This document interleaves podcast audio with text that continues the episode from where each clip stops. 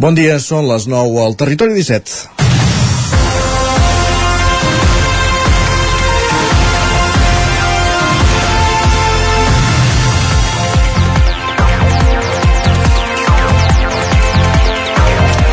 Aquesta setmana 8TV se n'ha anat a negre, com es diu a l'argot gremial, per dir que ha deixat d'emetre.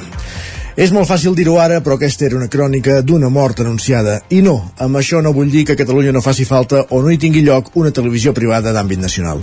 La proposta que mm, va a principis de segle va iniciar el grup Godó segurament no era dolenta, però els tempos que necessita un projecte d'aquesta magnitud per consolidar-se topen amb, les necessitat, amb la necessitat imperiosa i immediata de resultats. I durant les diferents etapes de la televisió amb el grup Godó com a titular, des del seu naixement com a City TV fins a la seva venda fa dos anys, els resultats no anaven en consonància amb la inversió o amb els costos d'apostes com Alfons Arús o Josep Cuní. Godó va dir prou fa dos anys i va vendre la televisió el pitjor comprador possible.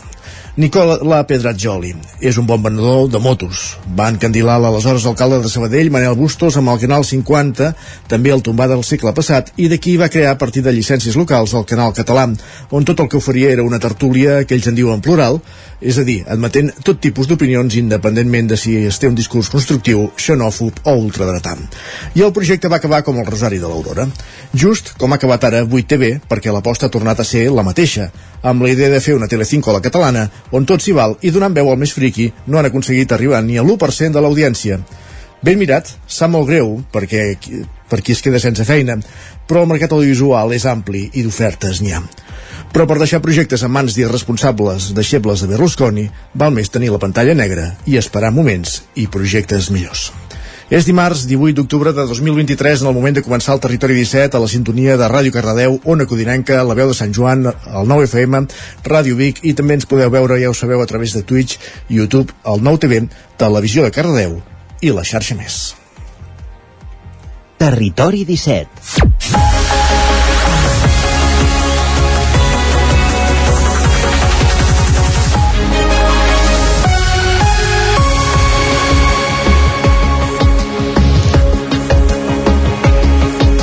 Dos minuts i mig que passen de les 9 del matí d'aquest matí de dimecres 18 d'octubre de 2023 en el moment de començar el Territori 17 el magazín de les comarques del Vallès Oriental l'Osona, el Ripollès, el Moianès i el Lluçanès que us fa companyia cada matí durant dues hores. Des d'ara fins al punt de les 11 de quina manera, amb quins continguts? Amb quines propostes, doncs us les avancem tot seguit al sumari. En aquesta primera mitja hora el que farem serà abordar les notícies més destacades de les nostres comarques i ho farem en connexió amb les diferents emissores que dia a dia fan possible el Territori 17 Internet. També farem un cop d'ull al cel amb en Pep Acosta, el nostre home del temps, i acabarem repassant les portades dels diaris del dia al quiosc amb en Sergi Vives. A partir de dos quarts de deu pugem al tren, a la Trenc d'Alba, amb l'Isaac Montades recollint les cròniques dels oferts usuaris, ara més que mai, de la línia de tren Barcelona-Granollers-Vic, Ripoll-Puigcerdà, l'R3, tallada per obres, entre dues estacions, les de la Garriga i Parets, i això afecta eh, els usuaris que baixen de, de més amunt de, de la Garriga, òbviament, pels quals hi ha aquests serveis alternatius dels quals ja hem anat parlant des de la setmana passada i que mica mica es van s'han d'anar ajustant. Uh, després anirem fins a Cardedeu a l'entrevista avui en, en companyia de l'Enric Rubio com cada dia i per parlar amb Ramon Arribas sobre un projecte de parc agrovoltaic a Sant Antoni de, de Vilamajor. És allò de ajuntar la, les dues necessitats la del foment d'energies renovables en plaques solars i alhora mantenir els camps de cultiu. En parlarem, com dèiem, d'aquest parc agrovoltaic a partir de dos quarts de deu del matí.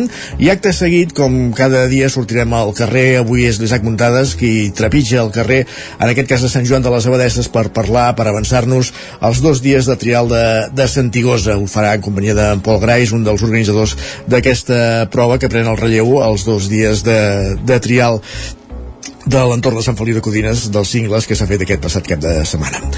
Notícies a les 10, la previsió del temps i avui és dia de solidaris a partir d'un quart d'onze en companyia de la Laura Serrat de Ràdio Vic i avui conversant amb el mestre i pedagog de Centelles Joan Soler.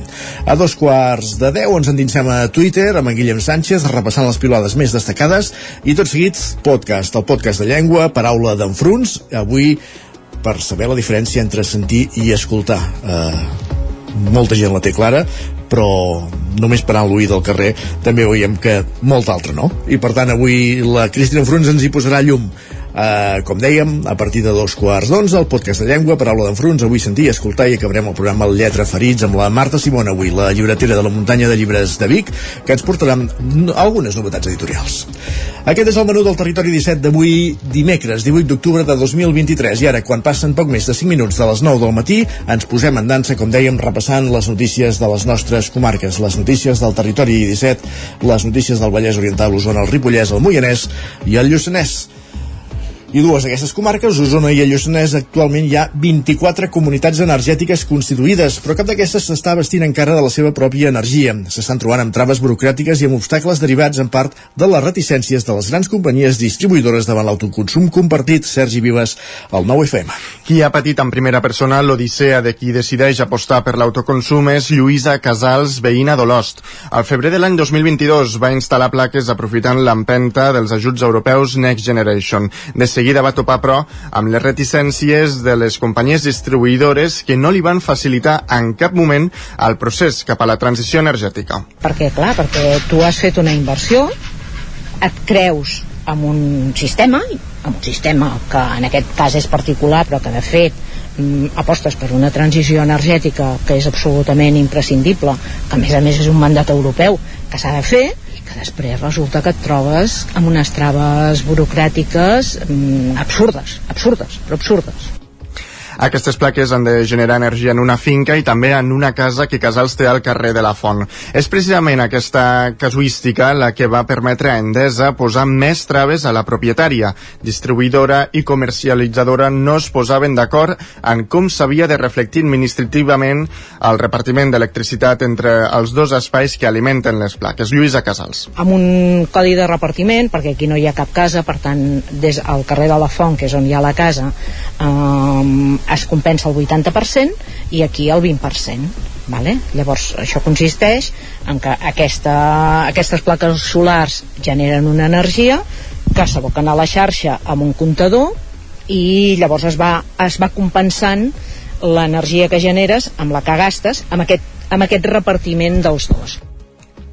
En total, Casals calcula que s'ha gastat uns 11.000 euros en la instal·lació de les plaques. De moment, però, no pot comptabilitzar l'estalvi energètic que això li ha suposat perquè també va coincidir amb l'aposta de canviar la calefacció de gasoil per aerotèrmia. Calcula que ho podrà fer a partir del mes de febrer. El que sí que té clar és que des de l'abril està abocant a la xarxa més energia de la que gasta. Traves a banda, Casals assegura que apostar per l'autoconsum val la pena. No ha estat fàcil, però és de les fermes, de les fermes defensores de la transició energètica. I avui a les 12 del migdia a l'Ajuntament d'Espinelves s'hi vota la moció de censura que han presentat tres membres de l'equip de govern contra l'alcalde Joan Montserrat, Sergi. Montserrat, de la llista Espinalbes pel futur, associada a Esquerra Republicana, va assumir el càrrec després de les eleccions del maig en substitució del també republicà Joan Manel Claveria. La moció la presenten dos regidors del mateix grup de l'alcalde, Josep Guixeras i Caterina Carol, i Antoni Tanyà, l'únic regidor de Junts a l'Ajuntament d'Espinalbes i que tot apunta que serà el nou alcalde. Esquerra Republicana s'ha desmarcat com a partit dels dos regidors que impulsen la moció. En un comunicat diuen que troben absolutament injustificada la moció de censura i que les desavinences s'han de tractar amb diàleg i generositat per totes les parts i aconseguir arribar a acords. El text també afirma que el projecte del municipi i la voluntat dels veïns han d'estar per davant dels interessos personals. El partit fa èmfasi a l'hora en què Esquerra perdrà l'alcaldia, ja que Guixeras i Carol han declinat assumir el càrrec. El, el comunicat d'Esquerra diu en aquest sentit que Tanyà no formava part dels candidats més votats en les últimes eleccions. Espinalbes funciona en el sistema de llistes obertes. I més política municipal, perquè l'Ajuntament de Caldes de Montbui, anem fins a una codinenca, Roger Rams, ha aprovat un, en un ple extraordinari que l'actualització de les taxes i els impostos municipals per al 2024, amb importants increments sobretot pel que fa a l'IBI, Roger. Sí, exacte. La gran majoria d'aquestes taxes i impostos estaven congelats des de feia anys i ara doncs s'han posat al dia, sobretot degut a l'increment de l'IPC en els darrers mesos i també per fer front a la caiguda dels ingressos del consistori amb l'eliminació de l'impost sobre la plusvàlua. Un dels punts més rellevants fa referència a l'IBI, a l'impost de béns immobles, ja que el darrer cop que es va revisar va ser l'any 2016. En aquest sentit, ara s'ha aprovat una pujada significativa d'aquest impost d'atenció més d'un 15%, o el que és el mateix, una mitjana mitjana de 90 euros per rebut de cara al gener. El regidor de Transparència i Hisenda, David Través, explicava que després de consultar l'IPC interanual, situat en un 6%, finalment s'ha decidit eh, optar per un increment de la resta de les taxes d'un 2,8%. Aquesta mesura va aixecar polseguera com no pot ser d'altra manera entre els grups de l'oposició, així que escoltem el cap de l'oposició, Joan Terrades, del grup Aracaldes. Aquest any 23 no es podrà fer cap inversió uh, de les pressupostades perquè es va tancar l'exercici amb estalvi net zero. A més a més, l'estalvi teòric per l'any corrent uh, és de menys 945.000 euros. El fet de tancar en negatiu aquest curs corrent provocarà que a mitjans de l'any 24, a mitjans de l'any que ve, haguem d'entrar en un pla de sanejament per redreçar el rumb de les finances municipals. I, evidentment, tampoc es podrà dedicar un euro a les inversions, perquè no hi haurà estalvi. I què fa el govern per intentar corregir-ho? Ho repercuteix totalment i directament a la ciutadania, amb un increment salvatge de l'IBI. L'alcalde de Caldes, Isidre Pineda, reconeix que la situació econòmica del consistori és complexa i admet que de cara als propers anys serà difícil poder tornar a congelar les taxes. Tot i això, ha titllat de populista la reacció dels grups polítics. Populisme econòmic. Sap perfectament quina és la tendència econòmica del municipi. Sap perfectament que en els anys de la pandèmia de la Covid vam tenir una actuació econòmica. Era el moment en què l'administració havia de fer un esforç extraordinari en un moment extraordinari. D'aquí, per exemple, el, el pla de xoc econòmic que vam comptabilitzar amb un milió d'euros. I després va venir l'esclat de la guerra i la inflació L'única taxa que no estava congelada és la de la recollida de deixalles, ja que en aquest cas s'estableix des del Consorci de Residus del Vallès Oriental, organisme que gestiona el servei. Doncs bé, enguany aquesta taxa augmentarà gairebé un 9% a Caldes. L'actualització de taxes i impostos s'ha aprovat amb els 9 vots a favor d'Esquerra i Junts per Catalunya, mentre que el PSC es va abstenir i ara Caldes i el PP hi van votar en contra. Gràcies, Roger. Més qüestions. Ens quedem al Vallès Oriental. Viure sol moltes vegades no és possible per a persones amb algun tipus de discapacitat. Per això hi ha projectes com el del Viver de, de Belllloc, que compta amb una llar residència a Cardedeu que dona llar a 16 persones i des del mes d'abril compten també amb una segona llar residència amb el nom de la seva presidenta, Lluïsa Uller. Enric Rubio, Ràdio Televisió Cardedeu. Així és, eh, porta el nom de Lluïsa Uller perquè precisament aquesta era la seva casa, que ha cedit en vida i que després d'una reforma compta amb 10 habitacions on hi conviuen 12 persones. Una llar residència que fomenta l'autonomia de les persones amb algun tipus de discapacitat intel·lectual amb un grau de discapacitat igual o superior al 33%. Alba Domínguez, responsable dels serveis d'habitatge de la Fundació Viver de Belllloc i Lluïsa Uller, ens ho explica la majoria de les persones que venen aquí són persones que és que no tenen una alternativa d'on viure. Hi ha persones que venen d'un centre de menors, hi ha persones que al domicili s'han pues, hagut de quedar soles i no tenen ningú qui viure i cadascú té la seva casuística familiar o personal, però és molt important que puguin tenir un lloc on viure i on poder créixer. Des del Viver treballant en la planificació central en la persona, un servei d'atenció personalitzat i que facilita una vida independent, ja sigui temporalment perquè hi ha qui viurà un o dos anys o qui passarà aquí tota la seva vida. Dins dels serveis d'habitatge de l'àrea social del Viver de Belllloc hi trobem el servei d'acompanyament a la vida independent, servei amb la que la Sara, persona que vivia a la llar residència de Viver de Belllloc, ha pogut anar a viure sola en un pis compartit amb una amiga també de la llar. L'usuària del servei, la Sara, com dèiem, ens eh, comenta com està sent la seva experiència per mi viure tota la vida amb gent no.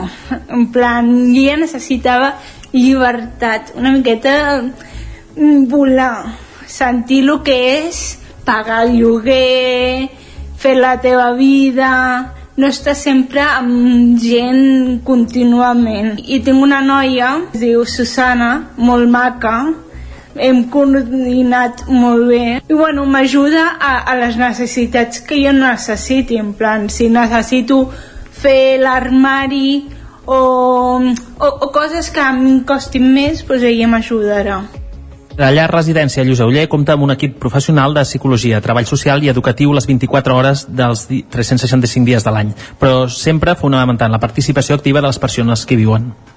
Gràcies, Enric. Més qüestions. Anem cap a la comarca d'Osona perquè l'Ajuntament de Vic iniciarà dilluns un procés participatiu perquè la ciutadania pugui decidir quins usos ha de tenir l'espai fluvial de la ciutat, Sergi. Algunes accions que s'hi duran a terme són la retirada dels murs de formigó que encaixonen al riu i treure les passarel·les que hi ha en aquest tram de gairebé 3 quilòmetres. L'objectiu és millorar la connectivitat longitudinal que ha anat cessant per culpa d'obstacles al canal fluvial que van construir-se als anys 90. Un seguit d'actuacions emmarcades en l'anomenat projecte Riberes, que, com ja va passar fa 15 anys amb l'anella verda, han de permetre que la llera dels rius Meder i Gurri s'acabin convertint en un espai clau de la ciutat. En aquest sentit, el consistori iniciarà dilluns un procés participatiu que ha de permetre a la ciutadania dir-hi la seva. Això ho explica Jordi Boades, tècnic del Me de Medi Ambient de l'Ajuntament. De fet, el procés participatiu el que pretén és que la ciutadania faci propostes en quant a com li agradaria utilitzar aquest espai. Evidentment, les qüestions més tècniques, diguéssim, les, les, les resoldrem nosaltres, no? però les, la, a nivell de, de què li agradaria que passés en aquest riu i si aquest ús és compatible amb l'ús ambiental, vale? doncs apareixeran eh, diferents elements un procés participatiu que s'allargarà fins al setembre del 2024 i que comptarà amb el suport d'un grup motor format per diferents entitats de la ciutat que serà determinant pel futur de les Riberes. Són la Creu Roja i l'Associació de Veïns i Veïnes del barri de l'Horta Vermella. En parlen dos dels seus membres, respectivament Miquel Àngel Núñez i Ramon Galí. Nosaltres, per part nostra, des de Creu Roja, estem col·laborant ja amb l'aportació de, tant de voluntariat com de persones usuaris que participaran en uns grups que s'estan fent per recuperar la memòria de les Riberes Riberes? Nosaltres eh, hem sol·licitat una reunió amb les associacions de veïns del sud precisament per parlar d'aquest tema vull dir, per, per mirar de, de consensuar una postura comuna de totes les associacions fins al setembre de l'any vinent, tothom qui ho desitgi podrà fer propostes a través de la plataforma Participa 311 o a través de les accions que anirà organitzant el grup motor. Gràcies, Sergi. I el Ripollès, la vandàlica BTT de Can de Manol estrena el recorregut extrem. Isaac Muntades, la veu de Sant Joan. Aquest cap de setmana, Camp de Bànol acollirà la cinquena edició de la vandàlica BTT, una cursa no competitiva de bicicleta de muntanya que enguany tindrà una novetat de pes, la inclusió d'un tercer recorregut el diumenge pels dos que hi havia fins ara, la vandàlica extrem de 36 quilòmetres i 1.600 metres de desnivell positiu. Així el descrivia el president de la Unió Ciclista Can de Bànol, l'entitat organitzadora de la prova, David Ibáñez. La novetat d'aquest any és que hem fet una vandàlica extrem, que veient les crítiques que hem tingut dels corredors que volien alguna mica més exigent, hem decidit, hem decidit fer una ampliació de la, de la que és la marxa llarga per a aquesta gent que volia una mica més d'exigència amb pujades i baixades. I va destinada sobretot a gent que, que estigui molt, molt entrenada i que tingui molta tècnica amb la BTT. El traçat extrem serà una prolongació de la vandàlica llarga llarga amb 33 quilòmetres i 1.350 metres de desnivell positiu, que tindrà molts corriols. Enguany, la vandàlica curta de 16 quilòmetres i 550 metres de desnivell positiu, tot i ser accessible per tothom, tindrà un nivell mitjà. Les dues proves llargues sortiran a les 9 del matí i la curta un quart d'hora després des de la plaça de la Mainada. A diferència d'altres anys, la cursa no anirà per la seva zona habitual. Jo us puc comentar que el recorregut serà per la zona est del poble, la zona contrària, ben bé contrària a l'any passat, més que res per tema de propietaris per deixar descansar els propietaris de l'altra zona hem decidit anar a l'altra banda del nostre poble fent frontera amb Ripoll i Ugassa El dissabte també es disputarà la cronovandàlica amb sortida des de la mateixa plaça i arribada a Sant Pere d'Uira de 7 quilòmetres i 360 metres de desnivell positiu. La participació està limitada a 300 persones per les proves de diumenge i a 50 per la contrarrellotge. Per ara hi ha 111 i 18 inscrits respectivament. Finalment, dissabte al matí hi haurà la vandàlica Kids pels més petits, amb un circuit d'uns 2 quilòmetres i mig per a nens d'entre 5 i 11 anys. Gràcies, Isaac. I acabem aquí aquest repàs informatiu que començàvem a les 9 en companyia d'Isaac Montada, Sergi Vives, Roger Rams i Enric Rubio. És moment al territori 17 de saludar el nostre home del temps, en Pep Acosta, perquè volem saber com evolucionarà meteorològicament la jornada. Per tant, tornem cap a ona codinenca.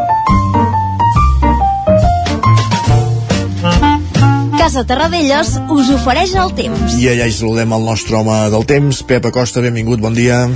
Hola, què tal? Bé, i tu? Molt bon dia. Bon dia. Pujada de les temperatures aquesta matinada, aquesta passada nit, eh, vents de sud, eh, vents de sud associats a aquests fronts que van creuant la península ibèrica i avui ens ha tocat aquesta afectació de vents de sud. eh, les, puges, les temperatures perdó, han pujat notablement eh, aquesta nit, eh, moltes mínimes, eh, fins i tot superiors als 15 graus. Es nota eh, aquesta entrada de, de vent de sud. Eh, hi ha hagut forces núvols i fins i tot quatre gotes cap a la zona del Pirineu. Eh, quantitats eh, molt petites de precipitació. No hi ha manera, no hi ha manera d'una pluja general beneficiosa, en definitiva, una pluja encara lluís no hi ha, no hi ha manera de que, de que es produeixi. I avui no es produirà. Avui eh, tenim ara una petita banda de precipitacions que estan tant per l'oest de, de Catalunya, eh, pot afectar cap al Pirineu Lleidatà, eh, l'oest de la península, l'oest de, perdó, de Catalunya, eh, però poca cosa a la que arribi a les comarques es desfarà i gairebé ni plourà. Si és que arriba a caure, eh, alguna gota serà cap al migdia, eh, però ja dic, cauran molt poques gotes, eh? una altra vegada, un dia sense precipitacions, i atenció que avui l'element més destacable serà aquest vent de sud, aquest vent de sud que s'anirà intensificant i que pot arribar algun cop bastant fort durant el dia d'avui, sobretot cap al Montseny i també cap al Pirineu. Eh, cops de vent que poden superar 60-80 km per hora, per tant un vent força, força intens. Uh, l'estat del cel estarà mig ennubulat, uh, pendent d'aquest petit front que està entrant uh, per Catalunya, uh, però en definitiva uh, no plourà, bastants núvols i sense pluja. I les temperatures més altes, moltes, moltes màximes entre els 23 i els 26 graus, ambient molt suau al migdia. A partir d'aquesta nit eh, i matinada eh, hi haurà un canvi, aquests vents de sud deixaran de, de ser protagonistes i entrarà més vent de nord. Això, que farà, això farà baixar la temperatura i la pròxima nit serà bastant més freda que aquesta. Però bueno, demà matí ja ho explicarem. Eh, sembla que dijous, divendres ve un front més actiu eh, els mapes ballen, eh, no hi ha manera que, de que es produeixi una entrada de precipitacions encara i ulls. De moment no es veu per enlloc. Moltes gràcies, fins demà. Adeu. Gràcies a tu, Pep. Parlem d'aquí una estoneta i avancem al territori 17, anem cap al quiosc. Casa Tarradellas us ha ofert aquest espai. Perquè és moment de saber quines són les portades dels diaris del dia.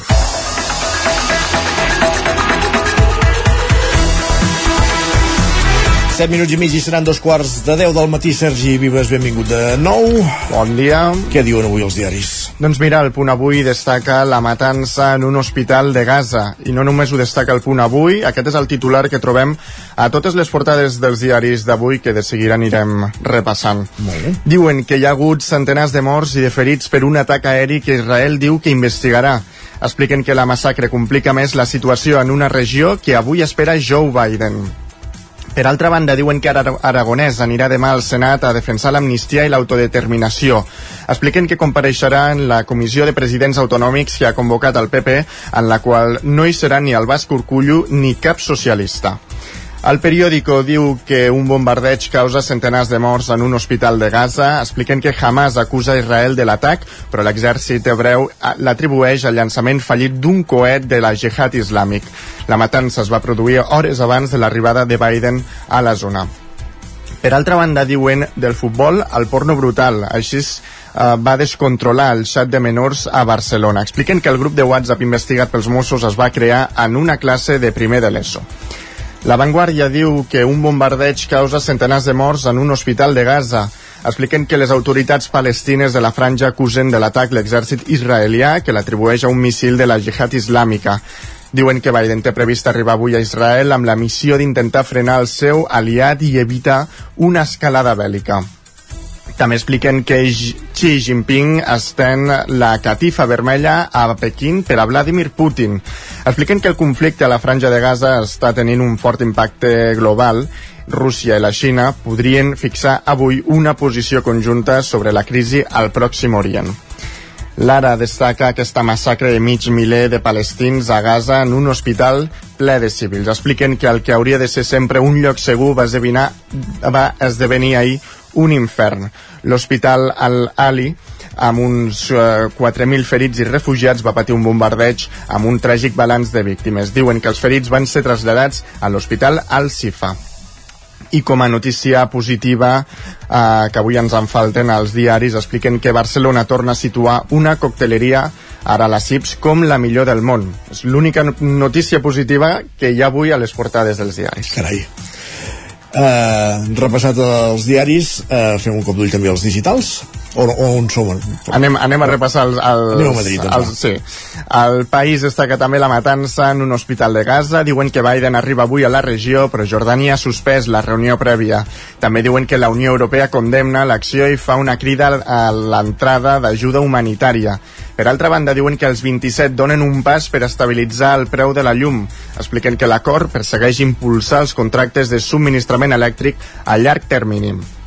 L'ABC diu que la crisi diplomàtica amb Israel força a Sánchez a endurir el seu discurs. Expliquen que admet el dret de Tel Aviv a defensar-se després dels horribles atemptats terroristes perpetrats per Hamas i demana el reconeixement de Palestina com a estat. El Mundo diu que Hamas i Israel s'acusen mútuament de la matança de l'Hospital de Gaza. Expliquen que Israel nega haver causat centenars de morts i ho tanca dient que ha sigut un projectil fallit de la jihad islàmica. Per altra banda, diuen que Sánchez exigeix a Israel que garanteixi a Gaza la protecció de la població civil. Expliquen que el president espanyol evita corregir a Belarra, que reclama processar a Netanyahu per crims de guerra.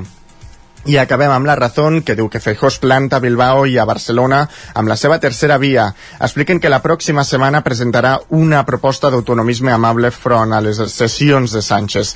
Diuen que l'objectiu és actualitzar el seu discurs i programa sense renunciar a les seves essències en matèria territorial. Ni una paraula per ser avui de la Razón sobre aquesta matança a l'Hospital de Gaza. Carai, curiós.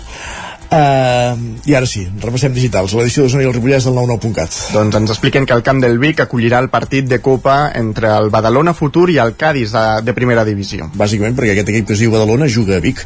I a l'edició del Vallès Oriental? Doncs diuen que Cinta Vidal de Cardedeu fa la seva primera exposició a Nova York. Doncs ho celebrem. Nosaltres el que fem ara tot seguit és una petita pausa. Gràcies, Sergi. A tu. Uh, tornem d'aquí 3 minutets pujant al tren i amb l'entrevista des de Cardedeu a Ramon Arribas. El nou FM, la ràdio de casa, al 92.8. La qualitat de les teves impressions és important per tu? Estàs cansat que els colors i les imatges no surtin com t'esperes? A Impremta Mater disposem de la tecnologia més avançada i els millors professionals per aconseguir impressions d'alta qualitat. Fem tota classe d'impresos amb acabats professionals. Llibres, catàlegs, revistes, tesis, calendaris, enquadernacions... I a més, disposem del servei d'impressió digital en gran format, roll-ups, lones, pòsters i molt més. Impremta Mater. Ens trobaràs a la carretera de Sant Hipòlit 23 de Vic o impremtamater.com.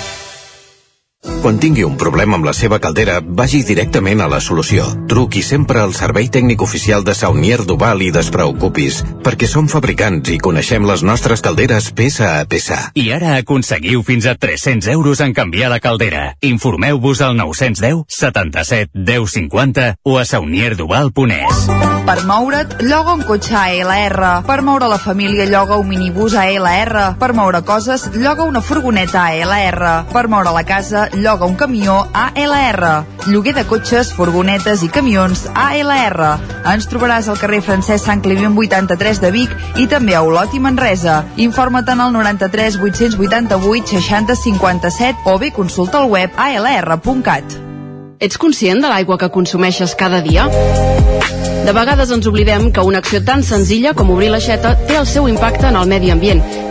T'has plantejat mai quants litres d'aigua gastem cada dia? Prens mesures per estalviar aigua a casa? Trobaràs més informació pràctica amb motiu de l'alerta de sequera. Consulta-la a aigüesvic.com barra estalvi. Aigües Vic. Amb tu, clars com l'aigua. Amb Pradell estalvio energia i cuido la meva butxaca i el medi ambient.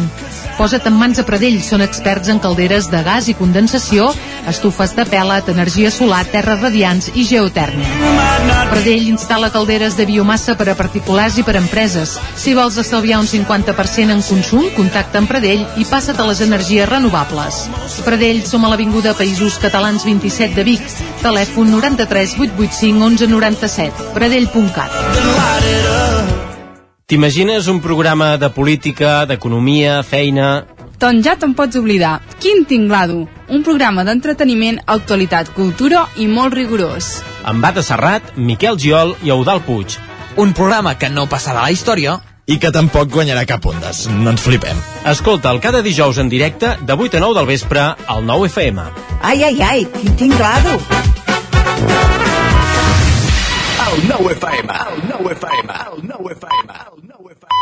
Territori 17.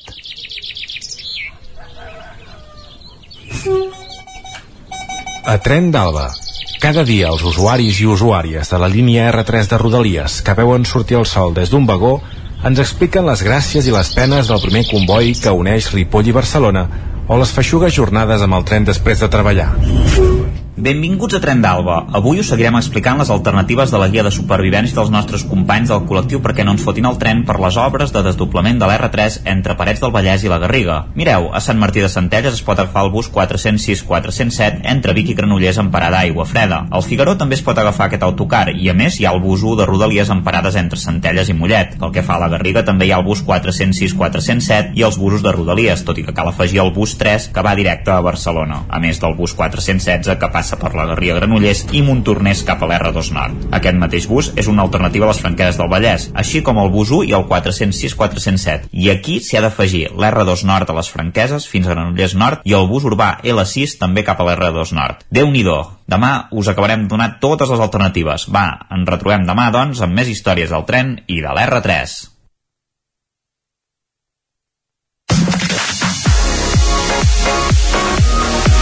Territori 17. I ara mateix un minut i mig que passen del punt de dos quarts de 10 del matí.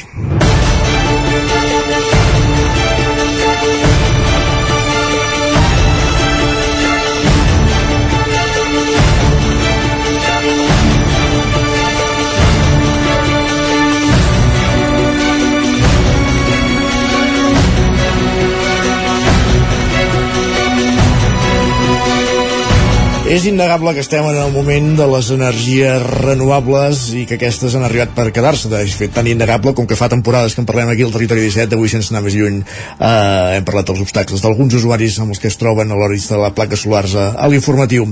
També és palès que la seva implantació no sempre està ben acollida pel territori on, on es projecten parcs fotovoltaics. Enric Rubio, Ràdio Televisió Cardedeu. Així és, així és, Isaac. Són molts els espais naturals que estan deixant enrere el seu ús per passar a acollir les energies renovables. A ningú se li escapa el gran impacte mediambiental que poden tenir projectes com el camp eòlic de Roses, o, però a menor escala i no per això amb menys afectació ecològica i social i trobem grans extensions agrícoles que estan canviant el que fins ara havien set per convertir-se en autèntics mars de plaques fotovoltaiques. Volem i calen les energies renovables, però tal i com diuen el Pallars Jussà, no a qualsevol preu. I és que allà en són un bon exemple del que està sent la pèrdua d'hectàrees i hectàrees de conreu. Si tenim energies renovables però deixem de produir aliments al propi territori i llavors ens veiem abocats a importar-ho tot d'altres zones i altres països amb la conseqüent petjada ecològica, no ens estarem fent trampes al solitari és per això que avui hem convidat a l'estudi de ràdio de Ràdio Televisió Cardedeu a Ramon Arribas, perquè de tot això en té un bon doll d'informació i coneixement. I precisament és ell qui ha impulsat el que possiblement sigui una de les proves pilot d'aquest sector més interessants de la província. I una solució per la població que us presentarem a continuació a tot aquest exocac al que ens veiem abocats a una velocitat vertiginosa. A Sant Antoni de Vilamajor, la nostra població veïna, s'hi ha projectat el primer camp agrovoltaic de la, primer, de la província de Barcelona i únic al país amb aquestes característiques, del qual ell n'ha set el redactor impulsor del primer projecte. Bon dia, Ramon. Bon ben dia. tornat. Bon dia. Uh, com estem i moltes gràcies per estar aquí. Gràcies a vosaltres. Primer de tot, quina vinculació has tingut amb el projecte per presentar-te una miqueta i com va sorgir la idea? Bé, la, la idea va sorgir fent aquesta reflexió que feies tu ara d'entrada. De, de, és a dir, eh, és evident que hi ha un compromís per necessitat, també per militància, amb la lluita contra el canvi climàtic, l'escalfament global del planeta, és evident, però això no pot anar en contra de l'agricultura ni de l'agricultura de proximitat, ni dels canals de, de, eh, de comercialització pròxims. Val? Per tant, la primera pregunta que ens vam fer és dir, nosaltres som partidaris de la fotovoltaica sí, però nosaltres som partidaris del manteniment, diguem-ne, de les, no només de la superfície, sinó de la pagesia, eh? aquesta manera de viure i relacionar-nos amb la terra. Això, eh, això és compatible? Això és possible? Això es pot fer? Aleshores, l'any 21 vam fer un primer estudi des de, que es va fer des de l'Ajuntament de Cardedeu sobre el territori de l'Ajuntament de Cardedeu de dir, mm, analitzant tot el territori de Cardedeu i a partir d'unes eh, anàlisi d'unes variables i d'uns criteris paisatgístics, econòmics i medioambientals, localitzar quins espais del territori es podien fer perquè no es pot fer en els jocs, diguem-ne, és obvi, però, però no es fa, eh? en jocs agrícoles, en jocs de, de regadiu, en jocs de producció bona. Per tant, determinar això relacionat amb les línies d'evacuació, etc etc. I d'allà vam tenir un primer plànol de dir, aquí es podria fer. Però teníem una altra pregunta. Això ho vam fer, el, crec que ho vam tenir el juliol del 21.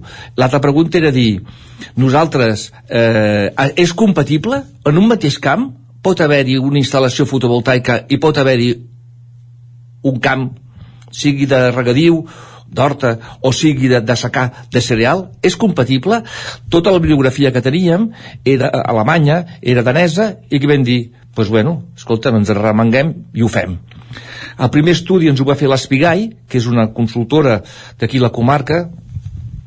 Jordi Puig és una persona molt coneguda i molt, i molt, molt arrada del territori i el segon ens ho van fer eh, la gent d'UMA a l'Oriol Ribes i el que van fer és estudiar eh, la implementació val? de dir, bueno, amb talta alçada que puguin girar els, eh, ho explico perquè ens entenguem ràpid, que puguin girar els dels sectors les ombres que fan aquestes plaques com influeix o no influeixen a determinats conreus, etc etc. Un cop vist la viabilitat d'aquest projecte venia el pas més important, que era dir, bé, ja ho tenim tot pensat, ara com ho fem? I qui ho fa, sobretot? Val, I aquí eh, hi, havia, hi ha una agrupació de municipis, que hi ha Carradeu, Sant Antoni, Vilamajor, Sant Pere i Vilamajor, Cànoves i Samalús, i la Roca, i Sant Antoni, i aquí vull remarcar-ho, va, es va rebengar i va dir, hi apostem. Val? I aleshores totes aquestes idees les vam concretar amb un projecte, amb un projecte i amb un espai.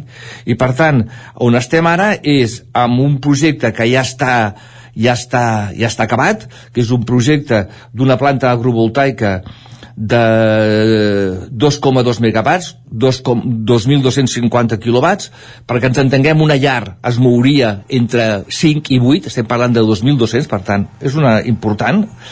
Eh, es fa amb, un, amb una finca que a més a més estava certificada ecològica, per tant, nosaltres també apostem per un tipus d'agricultura, perquè hi ha agricultures i agricultures, que això també vull remarcar-ho.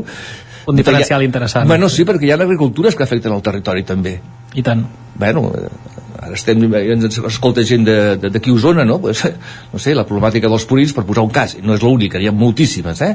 Transgenis, etc. Per tant, eh, amb una finca d'uns 9 hectàrees, ho estem treballant i ho farem, ho farem mm, i ho estem, ja tenim el disseny però aquest és un projecte que Bueno, jo callo, perquè si no, no parlaré xerrar, eh? Si no, pregunteu No pateixi, no, que l'Isaac em sembla que volia comentar alguna cosa. Va, no, eh, de, de fet, el, el projecte és tan senzill com és el, el fet de, de, de no enfrontar-s'hi, és a dir, no, no treballar amb la dicotomia de o plaques o cultius, sinó trobar la manera que tot sigui compatible en certa, en certa mesura, no?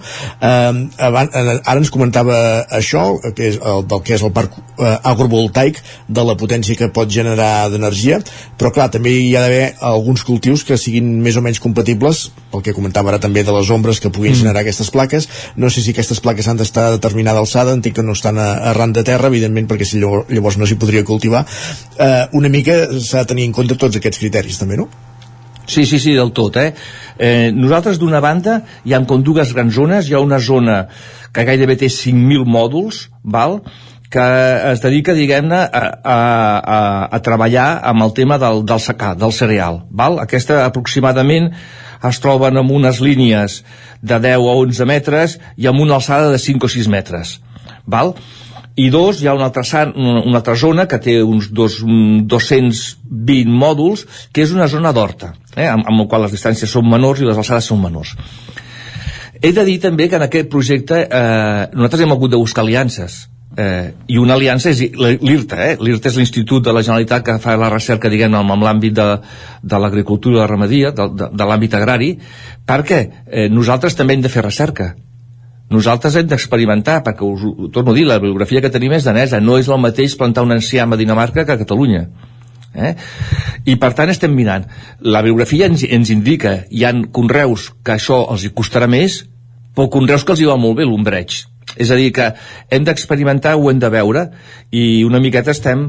Eh, IRTA és una de les, que, de les que ha apostat, de la mateixa manera que, he de dir aquí, el del paper important de l'Ajuntament de, de, de Sant Antoni com a, com a impulsor, com, a, com el que porta, evidentment el de Cardedeu que ha donat tot aquest suport, la Diputació, que també ens ha donat, ha, ha participat en el projecte, i darrerament doncs, el fet de que hagi entrat energètica perquè aquí l'energètica és l'empresa pública de la Generalitat que eh, té, diguem-ne, l'objectiu d'impulsar tots els renovables.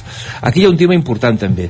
Si el que lidera aquest tema és un ajuntament, eh, bueno, no només farem energia renovable, farem, diguem-ne, un control des, del, eh, des dels ciutadans i, per tant, dels preus, i podem ofertar preus més barats que els del mercat Aleshores, eh, clar, eh, en aquest moment aquesta planta pot ofertar, ofertarà a gairebé un 60% de la població de Sant Antoni energia produïda al municipi i a preu més barat que el preu de mercat Clar, eh... Això és un apunt realment eh, que és possible que sigui el que la, la gent en, en primera instància no? li, li, Clar. potser gent que està més desconnectada de, del tema Exactament. de l'agricultura ecològica i així, potser més li xoqui eh? això precisament volia preguntar com afecta directament no? a, les, a les butxaques de, de les persones i, i a la factura final al cap i a la fi que, que poden percebre a casa de cadascú no, no, no, aquest, aquest és el tema eh? el tema és, és, és de quina manera d'una banda controlar des de... Bueno, és un bé, com, com hi ha tot el debat sobre l'aigua, no? Per posar un cas, doncs, hi ha un debat sobre l'energia, per tant, si els ajuntaments i, la, i les cooperatives es posicionen en, en, en aquest sector i comencen a fer experiències doncs, mm, bueno, pot, es pot controlar, pot haver una energia més barata i sobretot el que hi ha és un control sobre l'energia que aquesta ens pensem que l'energia bueno, ojo, l'energia es pot tancar l'aixeta també, eh? Bueno. per tant, si nosaltres la tenim com més a prop menys impacte medioambiental de línies que travessen el país i tal. Per exemple, una de les problemàtiques que tenim al Vallès, desconec el cas d'Osona, però en el cas del Vallès és, una, és un tros del territori molt atravessat per línies. Per tant, què passa? Que el, la pressió que hi ha per aconseguir espais per posar parcs fotovoltaics grans. Per què? Perquè la línia d'evacuació és més pròxima i per tant és més barat. Eh, eh, i, i a més a més eh, està diguem-ne les, grans, les, grans, les grans zones de consum d'energia Barcelona i tal estan a prop sí, un contrat ofereix una, una clar, possibilitat clar, el lloc on fas les coses i, tu parlaves del Pallars, sense desmereixer, però clar, el Pallars sempre sortirà més car. Eh, una planta al Vallès és més rentable. Per què? Perquè les línies d'evacuació, que no es podeixen les pèrdues, són més pròximes, per tant, redueixes les pèrdues. Ramon, ara comentàveu el fet de, de, la, de la gestió de qui ha implicat eh, al darrere mm. de la fórmula. El que sí que està molt estès, per exemple, aquí a la comarca d'Osona, ja que hi hem anat fent referències, tot el tema de les cooperatives energètiques locals, de les comunitats eh, sí. energètiques.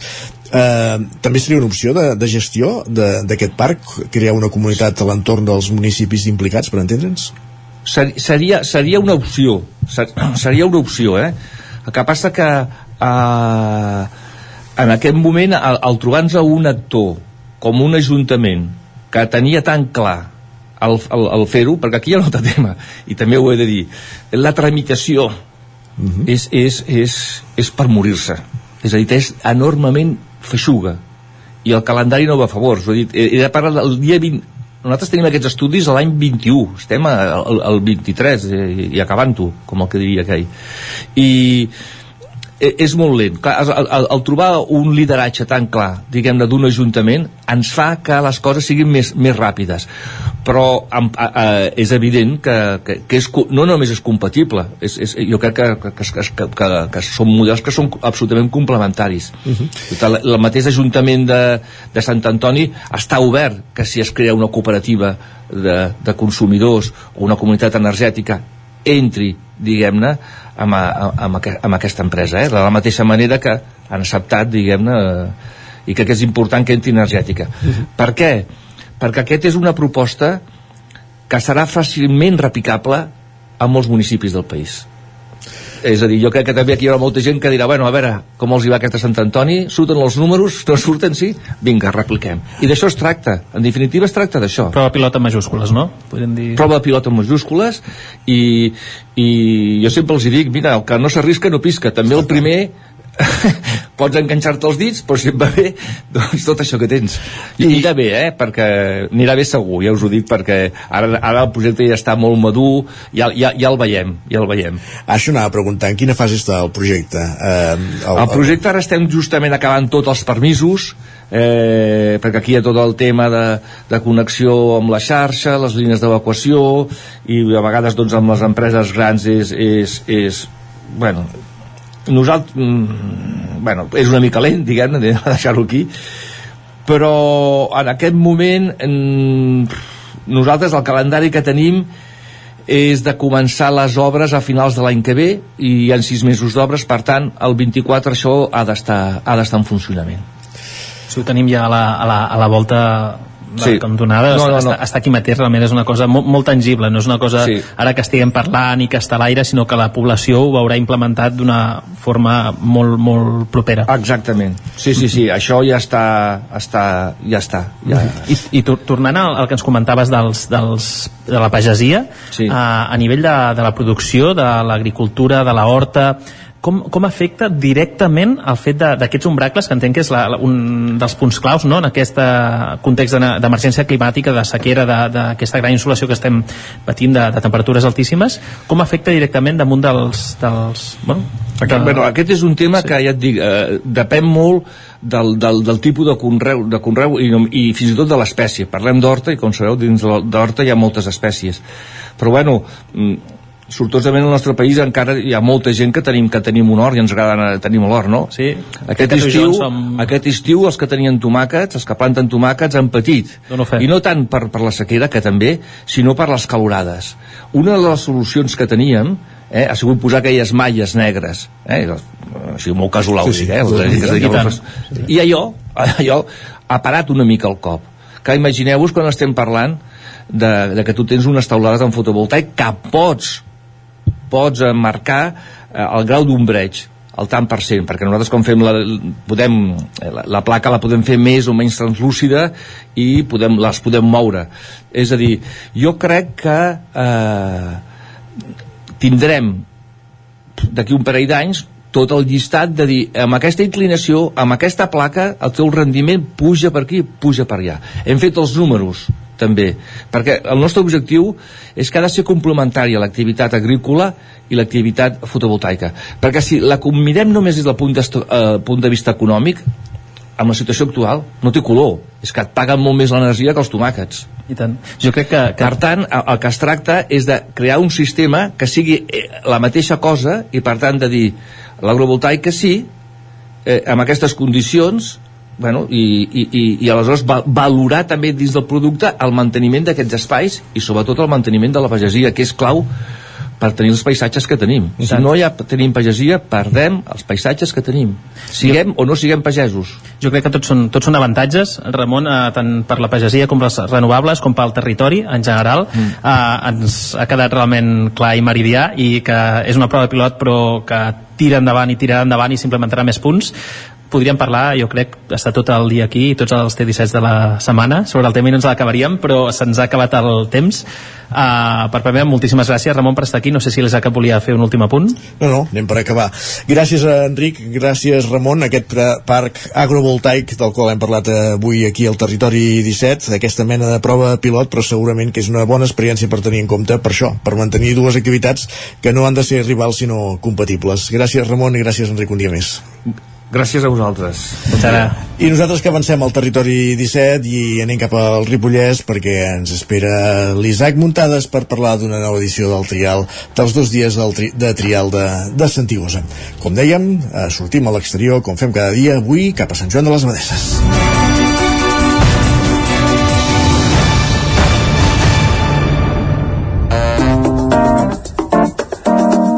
Territori 17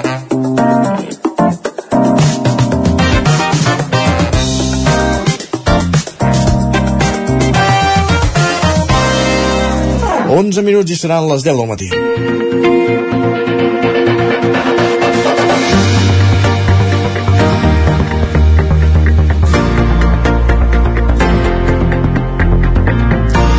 Com dèieu, avui sortim al carrer, sortim a Sant Joan de les Abadesses per parlar de trial. Isaac Montades, benvingut, bon dia. Benvingut, bon dia. Isaac. Doncs sí, mira, avui ens trobem aquí a la plaça Major de Sant Joan de les Abadeses i realment ja fa olor de benzina perquè aquí és on s'instal·larà el paddock, el parc tancat de les motos, que participaran aquest cap de setmana a la tretzena edició dels dos dies trial de Santigosa Clàssic de, de Sant Joan i avui estem ben acompanyats amb un membre del Motoclub Abadeses, que és l'entitat que s'encarrega d'organitzar la prova. Tenim a, amb nosaltres en Pol Grice. Bon dia i moltes gràcies per ser al Territori 17. Bon dia, Isaacs, i moltes gràcies a Territori 17 i a la veu de Sant Joan per poder realitzar aquesta entrevista. Uh, ara abans ho comentàvem fora de micro, eh? avui el cel està una mica tapadot, de moment no, no plou, sí que ha plogut una mica aquest matí, però de cara al, al cap de setmana uh, més que pluja potser no, no ens afectarà tant a, a les hores de la prova, però sí que potser ens trobarem fang, no? perquè sí que es preveu pluges intermitents en alguns moments, oi? Doncs sí, eh, portem una setmaneta amb ruixats febles aquí a la zona, sobretot a la zona de Santigosa, Ugassa, Sant Joan, Riudaura, Vallfogona, i ha plogut una miqueta, que feia falta, i posarà una mica més d'alegria en aquest circuit i una mica més d'alegria o una petita dificultat a través del fang amb aquestes zones de trial clàssic. Mm -hmm uh, per, uh, per començar, eh, ja entrant en, en matèria, m'imagino que ja està tot, uh, tot a punt. Aquí al Pado, que em sembla que ja estan començant a instal·lar alguna cosa, si més no, alguna, algunes tanques, encara, encara no.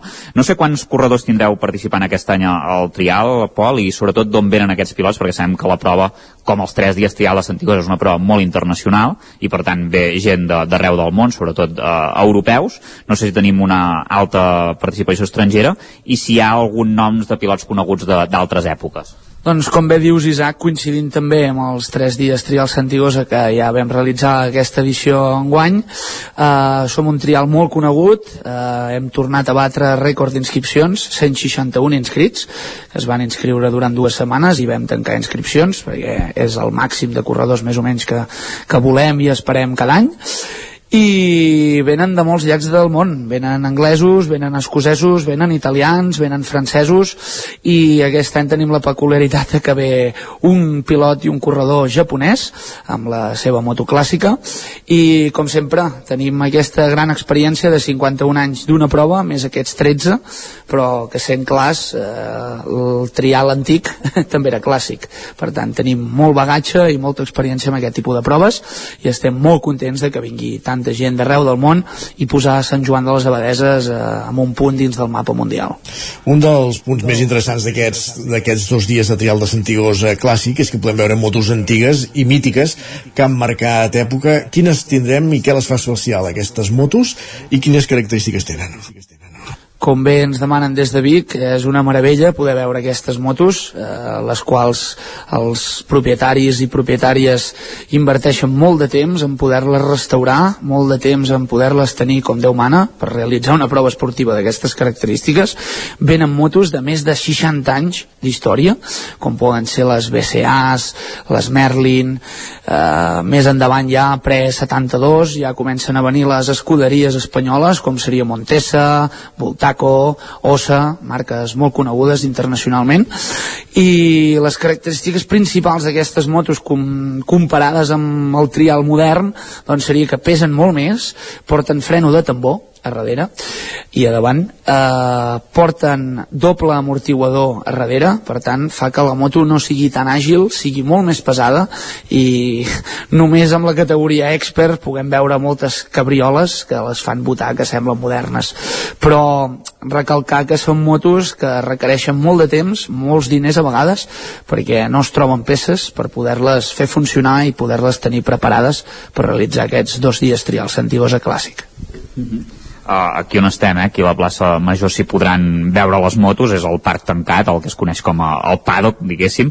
No sé si hi ha algun horari per veure-les, uh, en tot cas si està un horari preparat, si també es podran veure durant, quan, quan no estiguin competint, si es, es faran com visites per veure-les d'alguna manera, doncs mira, el divendres a la tarda comencen verificacions pels corredors i corredores que ja vulguin deixar la seva moto aquí en el paddock per tenir-la el dia de la sortida, que és dissabte i diumenge. Els corredors i corredores estan obligats cada dia, quan acaben el seu temps establert que tenen per completar el circuit i les zones de deixar la moto dins del parc tancat.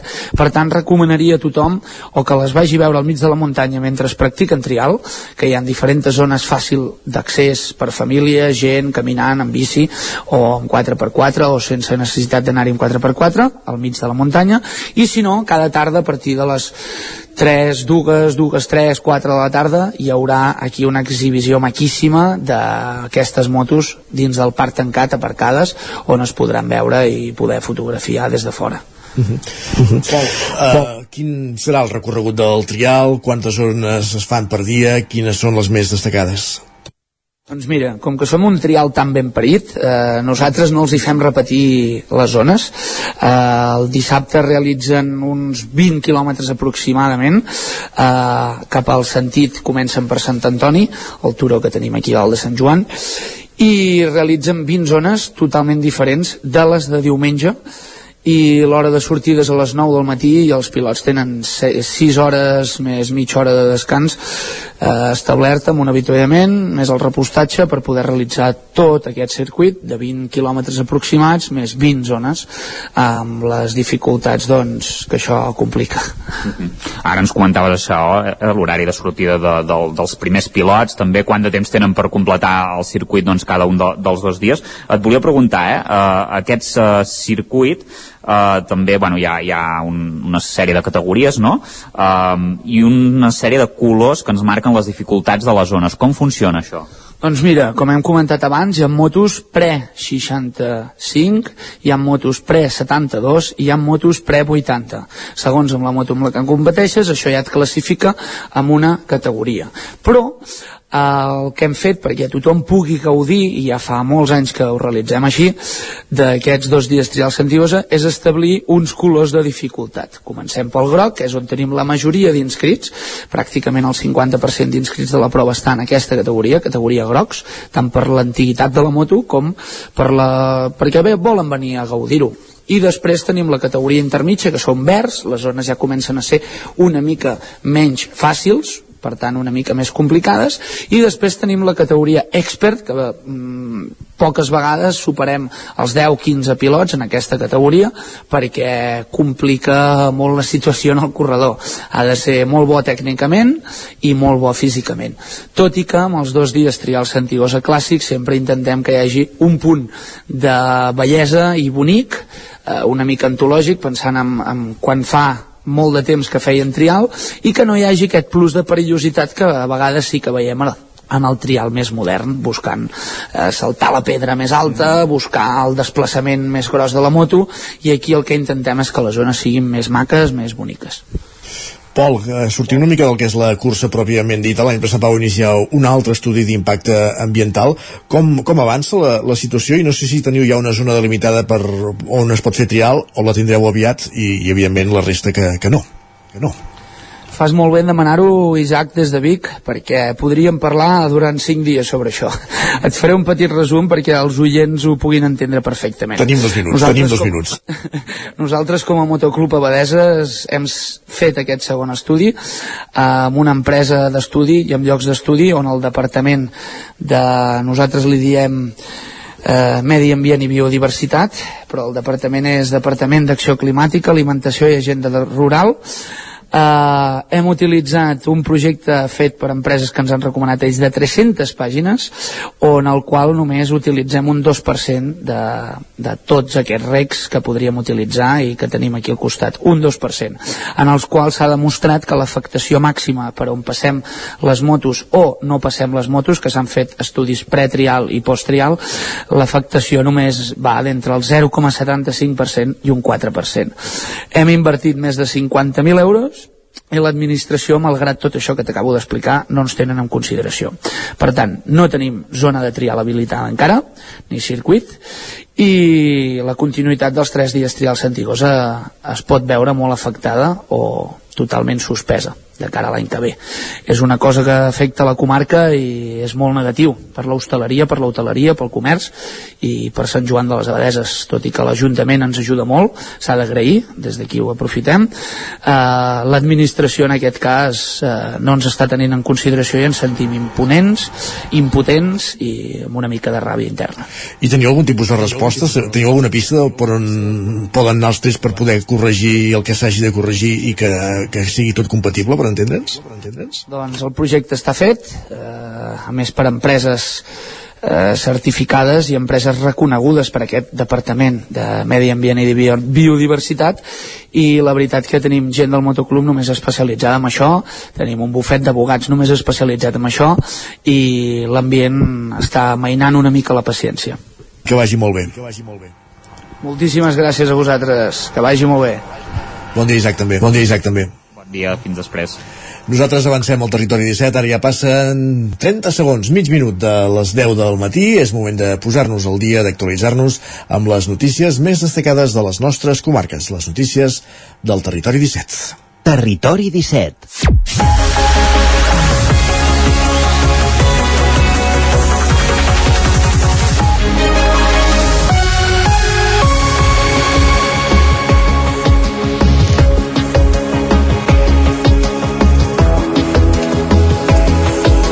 Urís acull cada diumenge d'octubre al Mercat de la Patata del Bufet i en aquesta 29a edició s'han collit entre 12.000 i 13.000 quilos del tubercle, malgrat que ara mateix només queda un productor local, Sergi Vives, al 9 FM. La manca de relleu i la jubilació d'alguns productors que van treballar per recuperar aquesta varietat fa estar en alerta al poble pel futur de la patata i del mercat. Això manifesten Joan Tort, del Mas Fontferri, i l'alcalde Arnau Basco. Com això és com tota la pagesia, la gent s'ha anat fent gran, llavors la gent, la gent té ganes de jubilar-se i de plegar i de, de fer una altra cosa, no? Llavors per això cada dia quedem menys. Si no ets una casa que tens moltes mans per poder treballar, eh, costa de que puguis organitzar coses d'aquestes. Els mateixos productors ho han anat avisant, no? El relleu costa de trobar amb molts productes a la terra i la patata del bufet no queda exempta d'aquesta problemàtica. Eh, evidentment l'objectiu final és diguem-ne no perdre aquesta varietat de patata mm, que ens identifica també com a, com a municipi Malgrat hi ha menys productors i la manca de pluja, la collita ha estat més bona que la de l'any anterior. En total s'han collit entre 11, 12.000 i 13.000 quilos de patata del bufet. Per complementar la venda de patata, el mercat també s'ha obert a l'artesania i en total hi ha una quinzena de parades, algunes cada setmana i d'altres que hi van algun dels quatre diumenges. Qui hi són cada setmana, però, són l'Associació de Dones d'Orís amb degustacions de patata i una tòmbola amb productes que han elaborat elles mateixes. Ho explica la seva presidenta, Anna Mira Miravent. Fem un tas de patata, que són trossets de patata amb diferents salses que preparem nosaltres. Fem el romesco, el pesto, l'olivada i, i la rocafort amb nous, i llavors així la gent ho tasta i bueno, doncs veu que la patata és bona, és melosa i els hi ve més de gust comprar un, un sac de patates. Llavors eh, també fem una tòmbola, que és una tòmbola on sempre toca, els diumenges d'octubre el mercat també es complementa amb activitats paral·leles. El darrer es va fer un taller de baldufes i també jocs de fusta. Diumenge vinent s'ha convocat el concurs de pintura ràpida una tombola on sempre toca, si no un pito una pilota, havia de dir-ho. Gràcies, Sergi. Més qüestions anem cap al Moianès, perquè l'oficina empresarial del Moianès dona suport a 35 noves empreses que s'han establert a la comarca durant el primer semestre del 2023. Roger Ram, zona codinenca. Exacte, l'OFEM, l'Oficina Empresarial del Moianès, és una entitat dedicada a fomentar l'emprenedoria i el creixement empresarial a la comarca del Moianès. Amb un equip d'experts i recursos ofereix assessorament i suport personalitzat a autònoms i empreses per tal d'ajudar-los a tenir èxit en els seus projectes. Durant els sis primers mesos d'aquest any 2023, aquesta entitat, que depèn del Consell Comarcal, ha presentat atenció al millor balanç de la seva història, ajudant en el procés de creació o establiment de noves empreses a la comarca. A més a més, en la seva seva tasca s'han atès fins a 88 autònoms en el desenvolupament d'idees de negoci. Finalment, l'OFEM ha mantingut relacions productives amb empreses ja establertes a la comarca, col·laborant amb fins a 134 iniciatives destinades a reforçar el seu creixement i competitivitat. Amb la seva tasca, aquesta entitat vol ser una referència com a agent de desenvolupament econòmic i suport empresarial al Moianès. I encara al Moianès, Roger, entitats i col·lectius de la comarca han convocat una concentració de suport al poble palestí demà a Mollà. Exacte, la convocatòria convida els veïns i veïnes de la comarca a alçar la veu contra l'apartheid, la neteja ètnica, l'ocupació i repressió històrica portada a terme per l'estat d'Israel sobre el poble palestí. Aquest acte vol ser una mostra de solidaritat precisament amb aquest poble de Palestina. Està previst que aquesta marxa recorri els principals carrers del centre de Mollà i la convocatòria serà demà dijous a les 7 de la tarda a la plaça de Sant Sebastià. Gràcies, Roger. Anem ara cap al Ripollès perquè Ribes Enxerina és el nou festival d'Arts Escèniques de la Vila amb set espectacles. Isaac Muntades, la veu de Sant Joan. Els dies 3 i 4 de novembre, Ribes de Freser acollirà la primera edició d'un nou festival d'arts escèniques amb el nom de Ribes Enxerina. El Ribes Enxerina està impulsat pel projecte Senda i portarà un total de 7 espectacles en aquests dos dies, la majoria concentrats el dissabte. Sandra Alfaro, que és la responsable d'espectacle espectacular, la qual es troba dins de Patea, una associació d'arts escèniques, detallava que una de les condicions imposades per la realització del festival és que totes les companyies havien de ser d'altres comunitats autònomes. Per això hi haurà tres companyies de València, dues del País Basc i una de Navarra. La primera primera actuació serà un espectacle de circ a la plaça del Mercat divendres al vespre amb Circo Zaurre. L'endemà, a partir de dos quarts de dotze del matí, el grup Pantà, Rei i Anzerquia faran un espectacle de titelles al passeig de la Catarineta amb una última escena a la Font de la Margarideta. La Gresca seguirà a la plaça del Mercat amb l'espectacle de dansa arròs d'Anna Mateu. A la tarda i a la nit hi haurà més activitats. Per la tarda seguirem a la plaça del Mercat on instal·larem una companyia basca, Jokai, que porta una instal·lació participativa de jocs per grans i per petits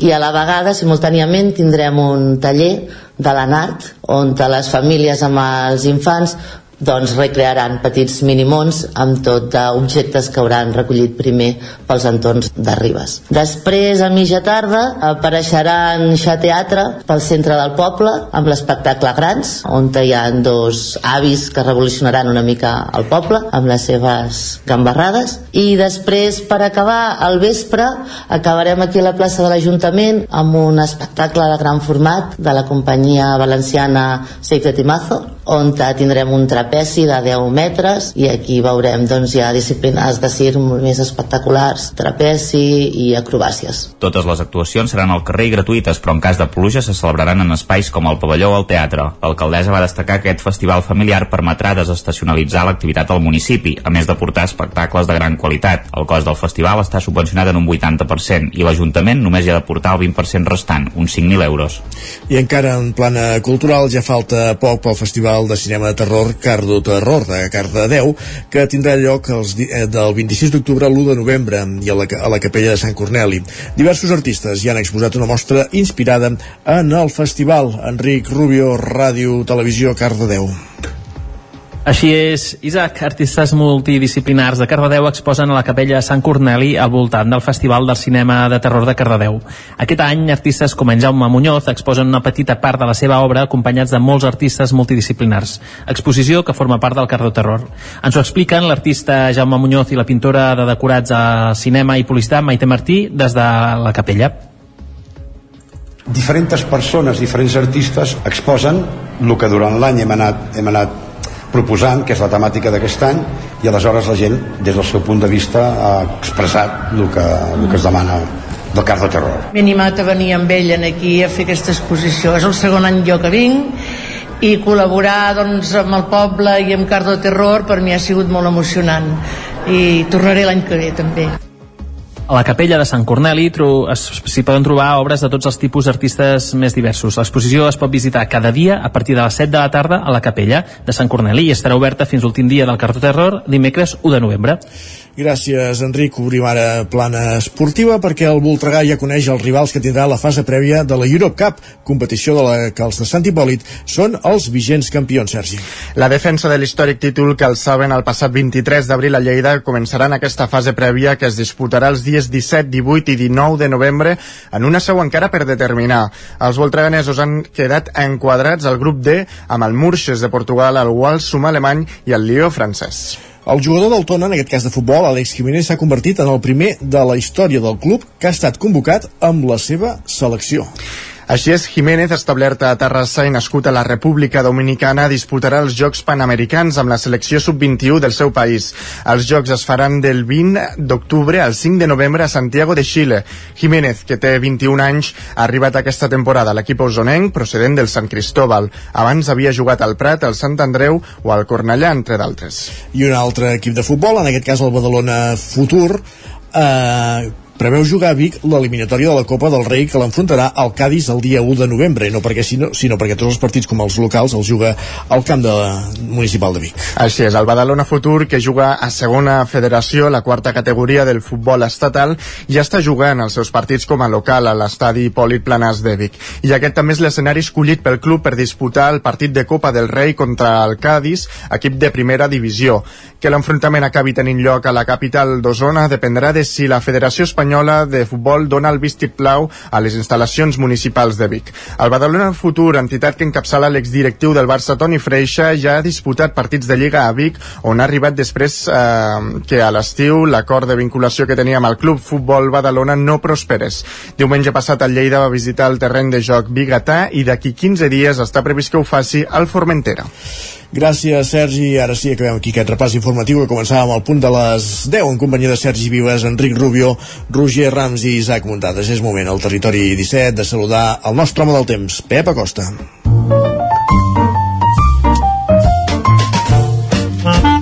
Casa Terradellos us ofereix el temps. Per tant, tornem cap a una codinenca per saber quin temps farà avui, Pep. Eh, Tenim ara una petita banda de precipitacions que estan tant per l'oest de, de Catalunya, eh, pot afectar cap al Pirineu i Lleidatà, eh, l'oest de la península, a l'oest de, perdó, de Catalunya, eh, però poca cosa.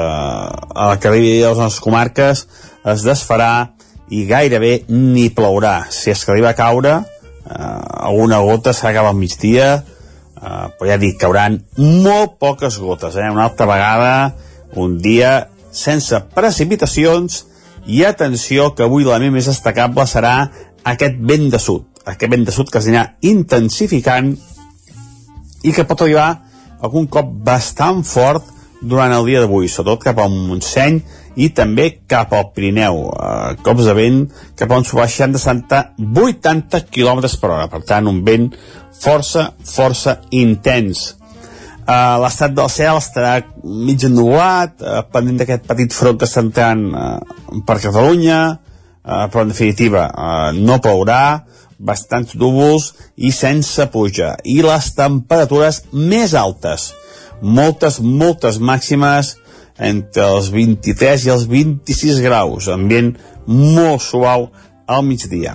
A partir d'aquesta nit eh, i matinada eh, hi haurà un canvi, aquests vents de sud deixaran de, de ser protagonistes i entrarà més vent de nord. Això, que farà, això farà baixar la temperatura i la pròxima nit serà bastant més freda que aquesta.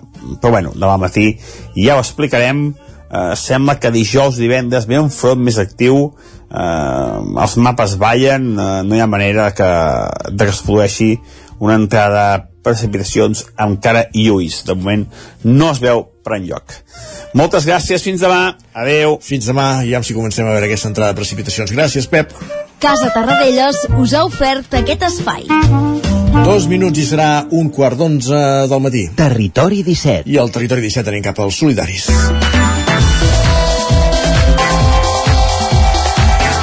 Perquè avui la Laura Serrat des de Ràdio Vic conversa amb el mestre i pedagog de Centelles Joan Soler per conèixer les persones, algunes de les persones de la comarca d'Osona que treballen pels altres. Avui els solidaris, per tant, anem cap a Ràdio Vic. Laura Serrat, benvinguda una setmana més, bon dia. Retornem a les experiències dels voluntaris i aquesta setmana conversem amb una personalitat molt rellevant de l'activisme social a Centelles. Es tracta de Joan Soler, mestre i pedagog de 67 anys i veí del municipi. La seva última activitat professional abans de jubilar-se el 2020 va ser com a professor a la Universitat de Vic, a la Facultat d'Educació. També va formar part de l'Ajuntament de Centelles com a regidor i primer tinent d'alcalde des del 1999 i fins al 2007, realitzant també tasques d'atenció a les persones. Això, diu, li va donar una visió ajustada de les necessitats de la seva comunitat. La seva trajectòria en l'activisme social, però, comença molt abans. D'això i més en parlem avui amb ell des de Ràdio Vic i a través de l'antena del Territori 17. Abans de començar, fem 5 cèntims de la seva acció social. Amb quines entitats ha col·laborat al llarg dels anys? A veure, hi ha hagut diferents etapes i entenent l'acció social en un sentit ampli. Eh? Potser podria dir que en l'època de, de joventut l'acció social es va desenvolupar més en el camp del lleure com a monitor d'esplai i també en el camp cultural, participant en entitats culturals de, de Centelles, eh, del meu poble, amb diferents i variades eh, entitats. Potser en l'etapa de joventut va estar marcada més per això, i després en una altra etapa l'acció social va, es va encaminar més cap a la banda política. Vaig ser durant un temps regidor a l'Ajuntament de Centelles durant vuit anys, regidor i primer tenent d'alcalde això també em va donar una dimensió diferent de, de les possibilitats d'actuar socialment des d'una institució i quan vaig deixar l'Ajuntament al cap d'un temps, bueno, d'un parell d'anys em vaig posar a Càritas, a l'entitat de Càritas que és a la que estic ara, des de l'any 2009 fins ara avui, per tant són 14 anys de, de dedicació com a voluntari a Càritas de Centelles. I quan va començar a implicar-se en el voluntariat? entenent-ho en un sentit ampli, diguem, com a monitor de, de l'esplai, eh? devia ser als 17 anys o així, després d'acabar el batxillerat i en els anys d'entrada als estudis universitaris eh, vaig estar molt implicat en una entitat d'esplai a Centelles i després també amb un, un grup de joves que actuàvem amb temes culturals i socials des del centre parroquial de la població, eh, fent activitats de cinema, de cinema infantil, organitzant activitats culturals, etc. Però potser la part més intensa va ser com a monitor d'esplai de, durant uns quants anys. Què és allò que el va motivar a implicar-se en l'activisme social? Un té necessitat o intenta trobar sentit en allò que, en allò que fa, no? I pensa que participant i implicant-se en entitats que puguin aportar alguna cosa a la població i per tant a les altres persones i que a la vegada t'enriqueixen a tu mateix quan les fas potser aquesta va ser, va ser la motivació més, més gran, no? També la possibilitat de fer-ho en grup, de, evidentment de compartir l'experiència amb altres persones, en l'època més de joventut, doncs, amb els amics i amigues, amb la colla, que, etc. No? Tot això forma un conjunt de, de motivacions que són les que t'empenyen a fer-ho.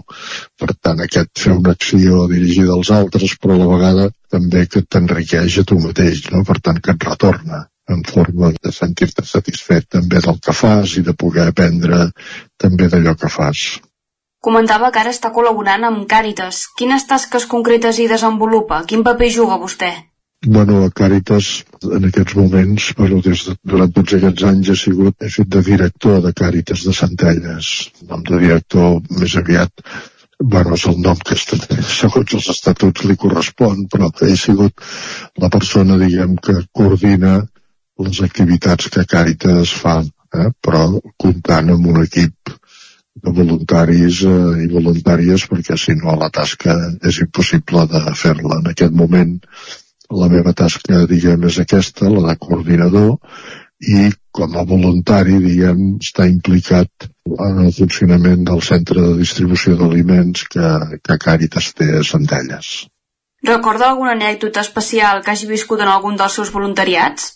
Bueno, potser més que anècdotes, moments o situacions de persones amb les que tens possibilitat de compartir, no? A persones que necessiten que necessiten ajuda, que la demanen i que veus que els hi pots oferir un camí durant un temps i potser el més emocionant és quan te n'adones que, que ja no necessiten la teva ajuda i que poden caminar i fer vida per elles mateixes. Eh? Aquests potser són els, els moments més especials, més que anècdotes, diria moments més emocionants i que et fan viure més intensament i que també trobes sentit en la teva tasca, no? Quan veus que hi ha persones que, o famílies que durant un temps les hem ajudat i que un bon dia doncs ells mateixos t'expliquen que ja no cal, que, que han trobat feina, que, que estan més bé, que ja tenen papers i que per tant eh, ja tenen permís de residència i de treball, si són,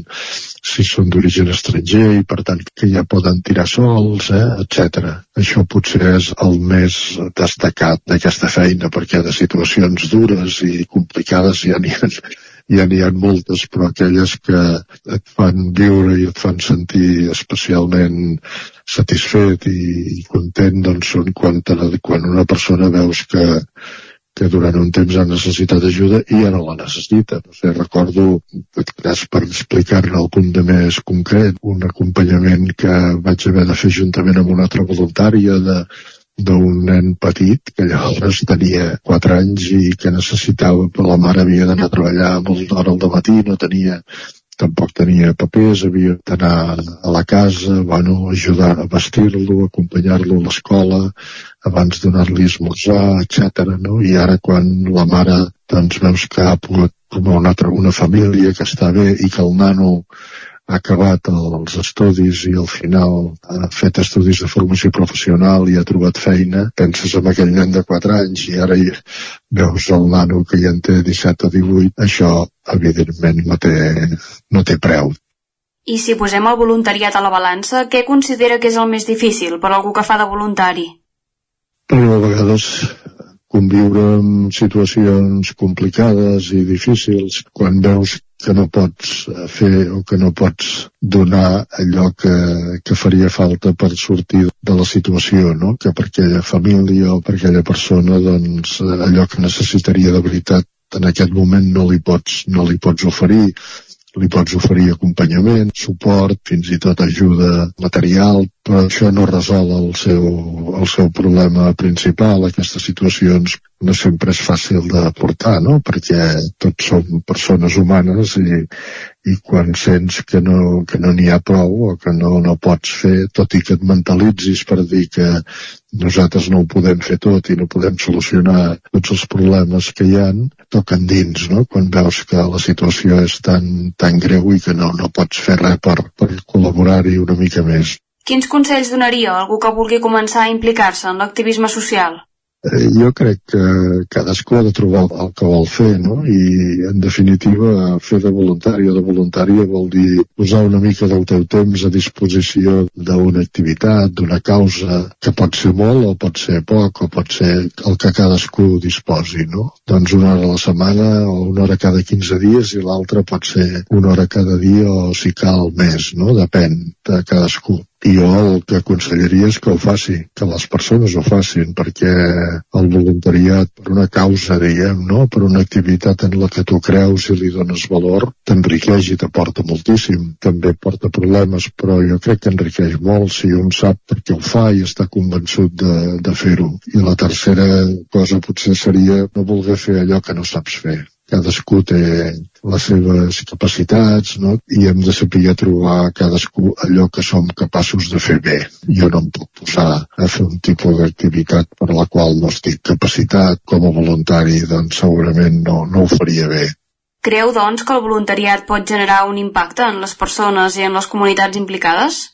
Seguríssim, perquè la nostra societat, no, els nostres pobles, els nostres barris, hi prima molt l'individualisme, ja sigui perquè anem de bòlit, perquè tenim moltes coses a fer, perquè el ritme és trepidant, i ens falta aquells llocs de, de trobada, de conèixer la gent, de, de sentir-nos veïns, de saber trobar allò que ens uneix, allò que és comú a tots nosaltres, no tant des del punt de vista de, de que sigui un eslògan polític, sinó allò que és comú.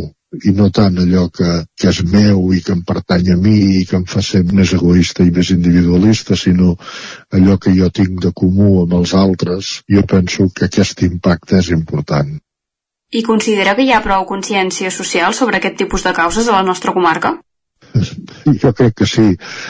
Hi ha, hi ha moltes entitats que fan voluntariat i moltes persones que s'impliquen en activitats i això del voluntariat té una dimensió molt, molt àmplia, no? Al final, fet voluntari és això de posar el temps a, a disposició d'una cosa que no sigui pròpiament teva i que no sigui feina i que no sigui remunerada, no? I, per tant, posar-ho a disposició de, dels altres o d'una causa que pugui afavorir un determinat col·lectiu, etc jo crec que sí que hi ha sensibilitat social, però som irregulars, som d'alts i baixos, som de moments, i en un moment determinat doncs hi ha una sensibilitat molt gran cap a un determinat problema i després desapareix quan estàs en una entitat te n'adones de que no pots ser voluntari només quan hi ha un problema gros que preocupa tothom o que la televisió en parla uns quants dies o que surt a la primera pàgina dels diaris. No ser voluntari és ser-hi sempre. El ritme que cadascú tingui, la constància de cadascú, això, això potser és el que, el que ens falta, no? Potser no és a la comarca, en tot cas seria arreu que no hi ha prou consciència social perquè no hi ha aquesta consciència d'allò que ens uneix, d'allò que és comú, no? De cara al futur, té algun altre projecte amb el qual vol col·laborar o que estigui a punt de fer-ho? De moment ja en tinc prou amb, amb el que tinc, perquè ja suposa molta implicació i, i molta feina. No, no m'he plantejat si he d'estar en un altre lloc, de moment aquí on estic i estic prou bé, tot i que a vegades penses que ja hi portes molts anys, però en tot cas a Càritas fem altres activitats aquí a Centelles i, i tenim diferents projectes i tots són necessaris de, de tirar endavant, no? De moment, com que això em continua satisfent, doncs no m'he plantejat altres coses. I per acabar, m'agradaria mirar el més enllà possible cap al futur. Quin seria el futur ideal que s'imagina per a la comunitat d'entitats solidàries i voluntaris? Si parlem en el camp de la solidaritat i la cooperació i en el camp més social, diguem, home, el futur ideal seria que no fóssim necessaris. Eh, si jo pensés de dir, ostres, ja no cal, perquè resulta que aquells problemes que ens preocupaven eh, estan resolts. Però, per desgràcia, sabem que això forma part de l'utopia, bueno, de l'utopia d'allò que segurament és irrealitzable, no? Però sempre hi hauria la necessitat també de acompanyar persones, de, de ser-hi, de, de ser al costat quan, quan hi ha algun problema i potser també el futur ideal seria implicar-hi més persones en les pròpies entitats, no? que aquesta consciència d'actuar fos prou general com perquè les entitats s'obressin als voluntaris. És veritat que per moments puntuals n'hi ha molts de voluntaris, eh? però que això hi pogués ser sempre, no?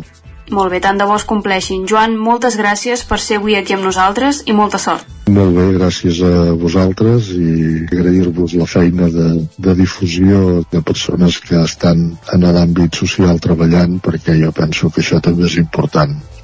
Gràcies, Laura, gràcies, Joan, per conèixer avui aquest testimoni, el de Joan Soler, de Centelles i tota la feina que fa en l'àmbit social. Pausa i piolades.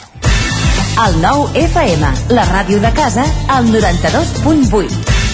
La qualitat de les teves impressions és important per tu? Estàs cansat que els colors i les imatges no surtin com t'esperes?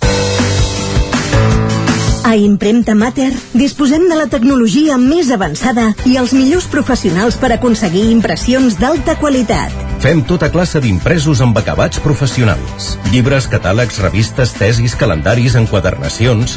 I a més, disposem del servei d'impressió digital en gran format. Roll-ups, lones, pòsters i molt més. Impremta Mater. Ens trobaràs a la carretera de Sant Hipòlit 23 de Vic o impremtamater.com. Ets conscient de l'aigua que consumeixes cada dia? De vegades ens oblidem que una acció tan senzilla com obrir l'aixeta té el seu impacte en el medi ambient. T'has plantejat mai quants litres d'aigua gastem cada dia? Prens mesures per estalviar aigua a casa? Trobaràs més informació pràctica amb motiu de l'alerta de sequera. Consulta-la a aigüesvic.com barra estalvi. Aigües Vic. Amb tu, clars com l'aigua.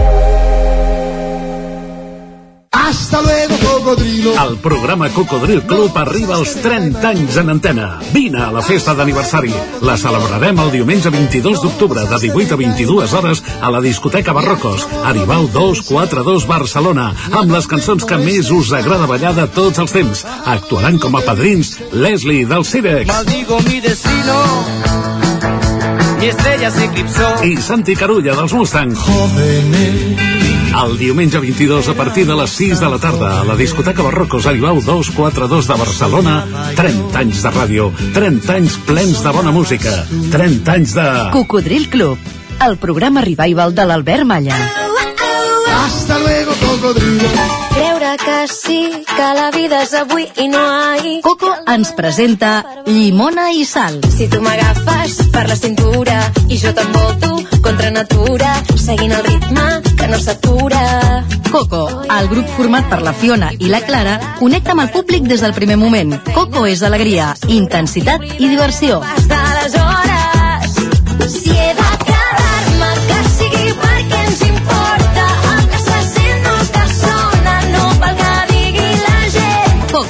Llimona i Sal. Amb el suport del Departament de Cultura. T'imagines un programa de política, d'economia, feina... Doncs ja te'n pots oblidar. Quin tinglado! Un programa d'entreteniment, actualitat, cultura i molt rigorós. Amb Bata Serrat, Miquel Giol i Eudal Puig. Un programa que no passarà a la història i que tampoc guanyarà cap ondes. No ens flipem. Escolta'l cada dijous en directe de 8 a 9 del vespre al 9 FM. Ai, ai, ai, quin tinglado! En punt ara mateix, dos quarts d'onze al territori 17.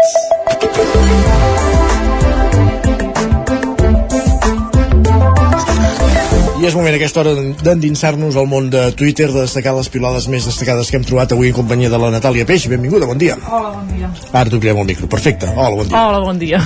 Ara sí? Perfectament. Uh, què hem trobat a Twitter?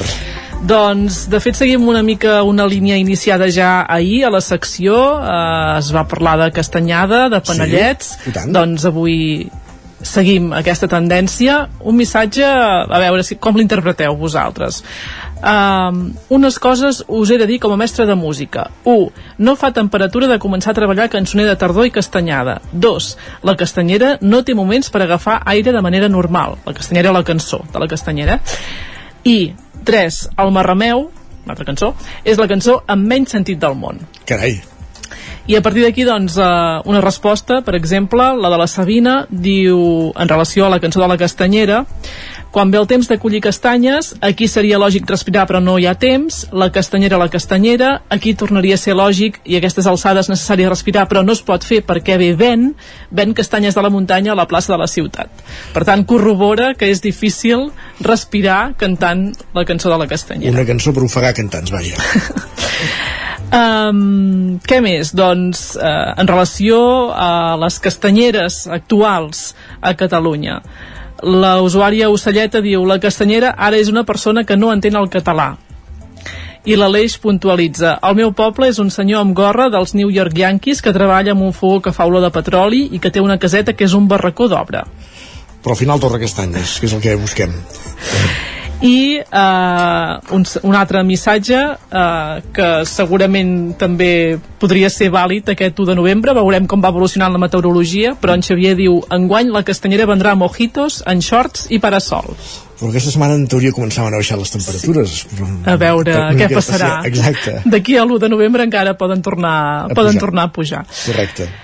Uh, la castanyada se celebra per tots sants i aquí tenim una altra aportació que fa en Miquel diu, he estat a prop de la mort moltes vegades, concretament Carai. veient nens al pati de l'escola corrent a tota pastilla sota un gronxador sense adonar-se que algú altre s'estava gronxant Sí. són escenes quotidianes als patis de les escoles. Exacte. I aquí encetem un altre eix de la secció d'avui, que és la de les habilitats. Ai, ai. Tenim l'habilitat eh, que constata en Miquel, aquesta d'esquivar gronxadors sense adonar-se'n, i en Guillem diu, de totes les habilitats, Déu nostre senyor em va donar la de fer els mots encreuats del diari en menys de 5 minuts i s'ha d'agrair. Carai. Doncs Això està prou molta- bé, la, la podria habilitat, explotar, eh? no? Exacte, sí, sí. Uh, en relació també uh, a les habilitats. Hem perdut tot tipus d'habilitat per circular amb paraigua si és que en algun moment n'hem tingut alguna. Doncs també tornem una mica a la meteorologia. Ja no ens en recordem. Exacte. Treure's el carnet de paraigües ara. I també s'ha de tenir traça pel que ens comenta la Júlia. Diu, un cop poses l'adredor, puja al nivell del joc de sortir del llit a mode expert. La Meritxell fa una proposta a les xarxes. Fem un dia de Twitter en què en comptes de criticar i insultar cadascú aporti algun pensament constructiu a la societat? Ui, no seria, Gràcies. possible, no seria possible això a Twitter.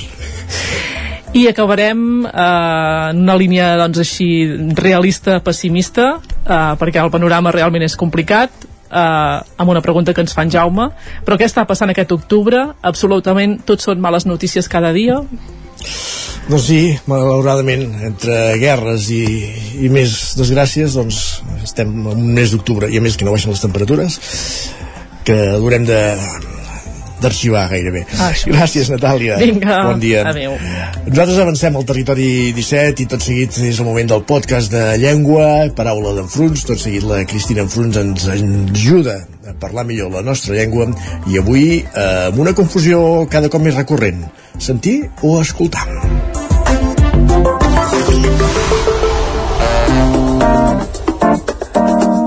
Territori 17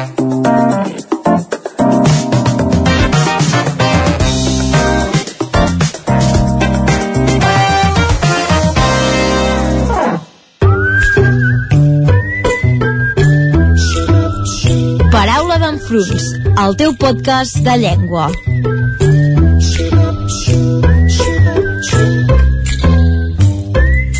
Pareu l'orella perquè és moment de parlar de llengua, moment d'escoltar la Cristina Enfruns, d'escoltar-la atentament, com cada setmana. Benvinguda, Cristina. Bon dia. Com estem? Molt bé. Què toca, què toca abordar avui? Va, doncs avui ja t'agafo les primeres paraules que has dit i avui parlarem d'escoltar. Quan hem de dir escoltar o sentir. Eh? Veurem Mm. jo, jo, que... dic, jo dit, he dit que t'hem d'escoltar. Ara Doncs, veurem si ho he Molt bé, molt bé, molt bé. M'han d'escoltar. Ara es- explicaré la diferència aquí entre dos verbs que són correctes tots dos, però que tenen un matís molt important diferent. Escoltar implica que l'acció és, fe- és feta voluntàriament, eh? que quan hi ha l'acció de parar l'orella, mentre que sentir el so ens arriba involuntàriament, eh? seria sinònim d'oir. Moltes vegades, però, l'escoltar s'imposa sentir. A vegades el confonem una mica, eh? Però sí que hem de tenir clar això, eh? Eh, Quan escoltem ho fem voluntàriament i en canvi sentir, podem sentir moltes coses encara que nosaltres no vulguem. Per exemple, si nosaltres diem escolta la professora o bé escolta les converses dels altres, però com que parlava en veu baixa no el sentíem, o mentre dormia sentia la redemor del mar. Aquí veiem, doncs, aquesta Diferència. diferència eh? Per tant, eh, sentim cops, sentim sorolls o crits i no els escoltem. Eh? Aquí hi hauria aquest mateix. Això podem aplicar en contextos com els de la ràdio i quan parlem de música podem dir acabeu d'escoltar la cançó tal hm? però en realitat no sabrem si, si l'oient l'ha escoltada O l'ha és a dir, ja ha posat atenció o bé si eh, acabeu de sentir la cançó tal hm? eh, aquesta seria una mica el matís eh, diferents per exemple, per acabar-ho d'explicar-ho de, us poso un parell d'exemples que potser ens ho han de deixar clar eh? si tu dius em sents i, No t'escolto. Doncs sí que et sento però estic escoltant un programa de ràdio per exemple D'acord. o bé has sentit un soroll calla i escolta eh? em sembla que aquí podríem arribar a entendre la diferència entre dos verbs tots dos correctes però que tenen aquest matís diferent Tots dos correctes, però cadascun al seu lloc. ah, exacte uh, i si tenim temps Isaac Ui, tant, eh, tu sí, el també volia fer, ja que es- estem amb escoltar o sentir eh, moltes vegades que tenim la paraula fressa que podem dir, ostres, no, correcte, no és correcte que hem de dir o soroll mm?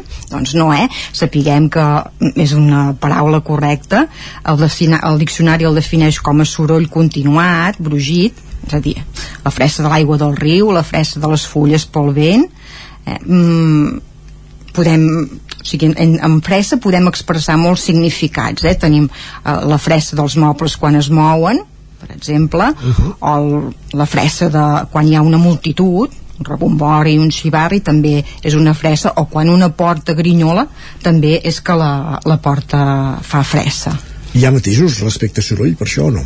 És a dir, són sinònims o jo diria que sí cadascú sí, ho sí, sí, sí. en llocs diferents? el que passa que sí que es té la tendència a dir ostres, eh, potser és més correcte és més nostrat dir Fressa. Dir, dir soroll, soroll, eh? Llavors, però no, eh?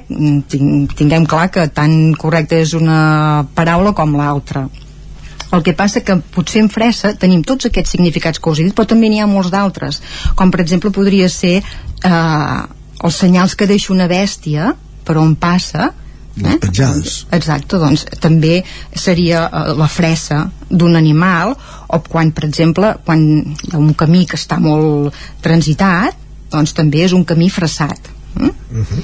i llavors bé, també hi ha, hi ha per exemple, existeix un turó eh, mm, que es diu de fressa que, és, que està situat a Vidreres doncs també apareix aquesta paraula a la comarca de la Selva també eh, també surt aquest, aquest mot mm? igualment com també hi ha moltes, con, moltes locucions que parlen de la fressa com cercar fressa, sentir fressa fer fressa eh? i per per tant és una paraula molt corrent i molt usada, igual com també eh, hi ha el refrany típic i tòpic que diu molta fressa i poca endreça Correcte. eh, per acabar-ho d'explicar de, de, que és un, un, un terme que podem usar i és molt comú a la nostra llengua Fressa i soroll, les dues paraules que hem, de les quals hem parlat avui amb la Cristina i sempre acabem escoltant una mica de música, procurant escoltar una mica de música. En funció del que estiguin fent els nostres oïdors, l'escoltaran o la sentiran. Però Exacte. nosaltres ens proposem que l'escoltin. I quina cançó és? És aquesta?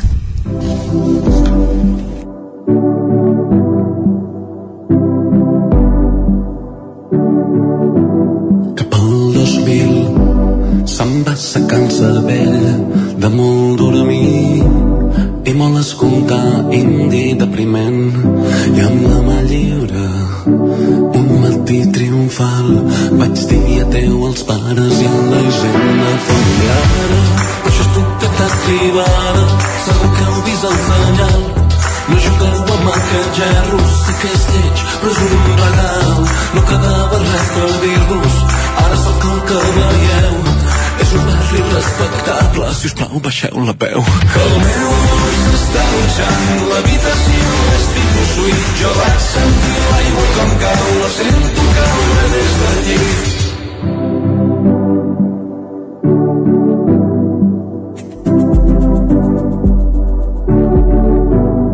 Venia flac i sentimental. Venia amb disponibilitat total. Potser vau veure'm buscant entre la gent potser vau veure'm convençut repetint certs arguments teniu molt poca gràcia i desdic adéu del gos aneu amb compte amb el quadre que és d'un artista famós. No quedava res per dir-nos ara sóc el que veieu. És un barri que treballa. Si us plau baixeu la veu. El meu amor s'està baixant l'habitació Manel, tipus suite. Eh, el grup ja ha passat a millor vida, com a tal, però ens ha deixat un llegat immens en cançons com aquesta i ara passen pels sedars de la Cristina. Doncs sí, i em direu per què has triat aquesta, no? Doncs bé, mm, potser perquè per relacionar-ho una mica amb el que hem parlat abans d'escoltar el sentir, doncs aquí, en aquesta cançó queda ben palès la diferència aquesta i hi ha una, en una de les frases quan diu eh, se'm va secar el cervell de molt dormir i molt escoltar indi aquí veiem el significat d'escoltar eh? una cosa feta voluntàriament i en canvi més avall hi ha unes altres frases que diu sentint l'aigua que cau la sento caure des del llit aquesta és la diferència eh? aquest sentir caure la- l'aigua és potser un involuntàriament eh? sent sí. encara que no vulgui i en canvi l'altre potser aquí doncs per això l'he triat, eh? perquè aquí veiem ben bé La diferència entre les dues, els dos verbs que, que hem analitzat abans. Mm, segurament el que us ha fet més mal aquí a, a les orelles és aquest, si plau baixeu la veu. Carai, No? Guillem Gisbert. Bé, doncs, recordem, una cosa és baixar una cosa i l'altra és abaixar, eh? Abaixar vol dir fer baixar una cosa al nivell d'una cosa, abaixar el volum, o baixar el sou, baixar la veu, eh? i en canvi baixar, tu baixes les escales eh, que és baixar per exemple d'un- lloc més alt a un més baix aquí evidentment no baixarem la veu perquè no sabríem com fer-ho no? Exacte. sinó que haurem de fer és, sisplau, abaixeu la veu tampoc els hi costaria massa fer-ho eh? És posar-hi una alt davant. i eh, també hi ha quan diu se'n va a secar el cervell vigilem aquí, eh? una cosa és assecar i l'altra aixugar assecar és fer que una cosa esdevingui seca perdi la humitat i l'aixugar és llevar la humitat l'aigua d'una cosa molla en aquest cas sí, no, no, estaria eh, ben utilitzat en aquest cas eh? Aixu, aixugar és passar-nos una tovallola per sobre quan sortim de la dutxa doncs va, i assecar és deixar secar la llenya quan esperem que, que s'assequi perquè pugui cremar bé, per entendre'ns, no? Seria això, sí, s'estaria bé, sí, seria una bona explicació. Doncs és això, eh? simplement perquè em feia gràcia això que aquí es quedava ben, ben il·lustrat aquesta diferència entre els dos verbs dels que hem parlat al principi. Perfectíssim. Alguna cosa més? Uh, jo ho deixaria aquí, no, no, simplement és més que això, eh? l'he triat mm, sobretot per aquesta tornada que va sortint de baixar la veu uh, que recordem-ho la baixem la veu, baixem el volum i en canvi uh, Baixem escales. baixem escales, exacte Gràcies, Cristina. Nosaltres abaixem la persiana per aquesta setmana. perfecte Adéu-siau.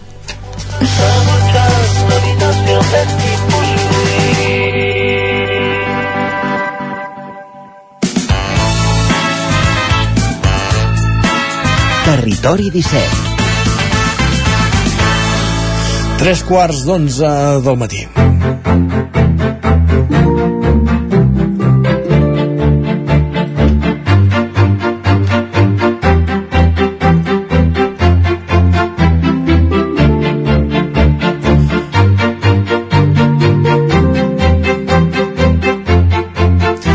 Com cada dimecres acabarem el programa El Lletra Ferits, la secció que dediquem cada setmana al món dels llibres i avui en companyia de la Marta Simón, llibretera a la llibreria Muntanya de Llibres de Vic. Benvinguda, bon dia Marta. Bon dia, què tal? Bé, i tu? Molt bé, Ben retrobada aquesta temporada, que Sí. encara no ens havíem saludat. encara no.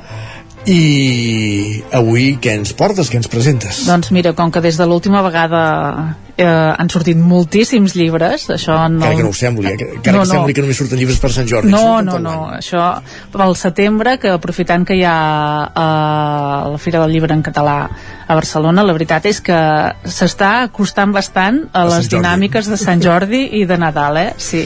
Doncs aprofitant això que hi ha moltes novetats, doncs n'he triat eh, alguna per destacar. Molt bé.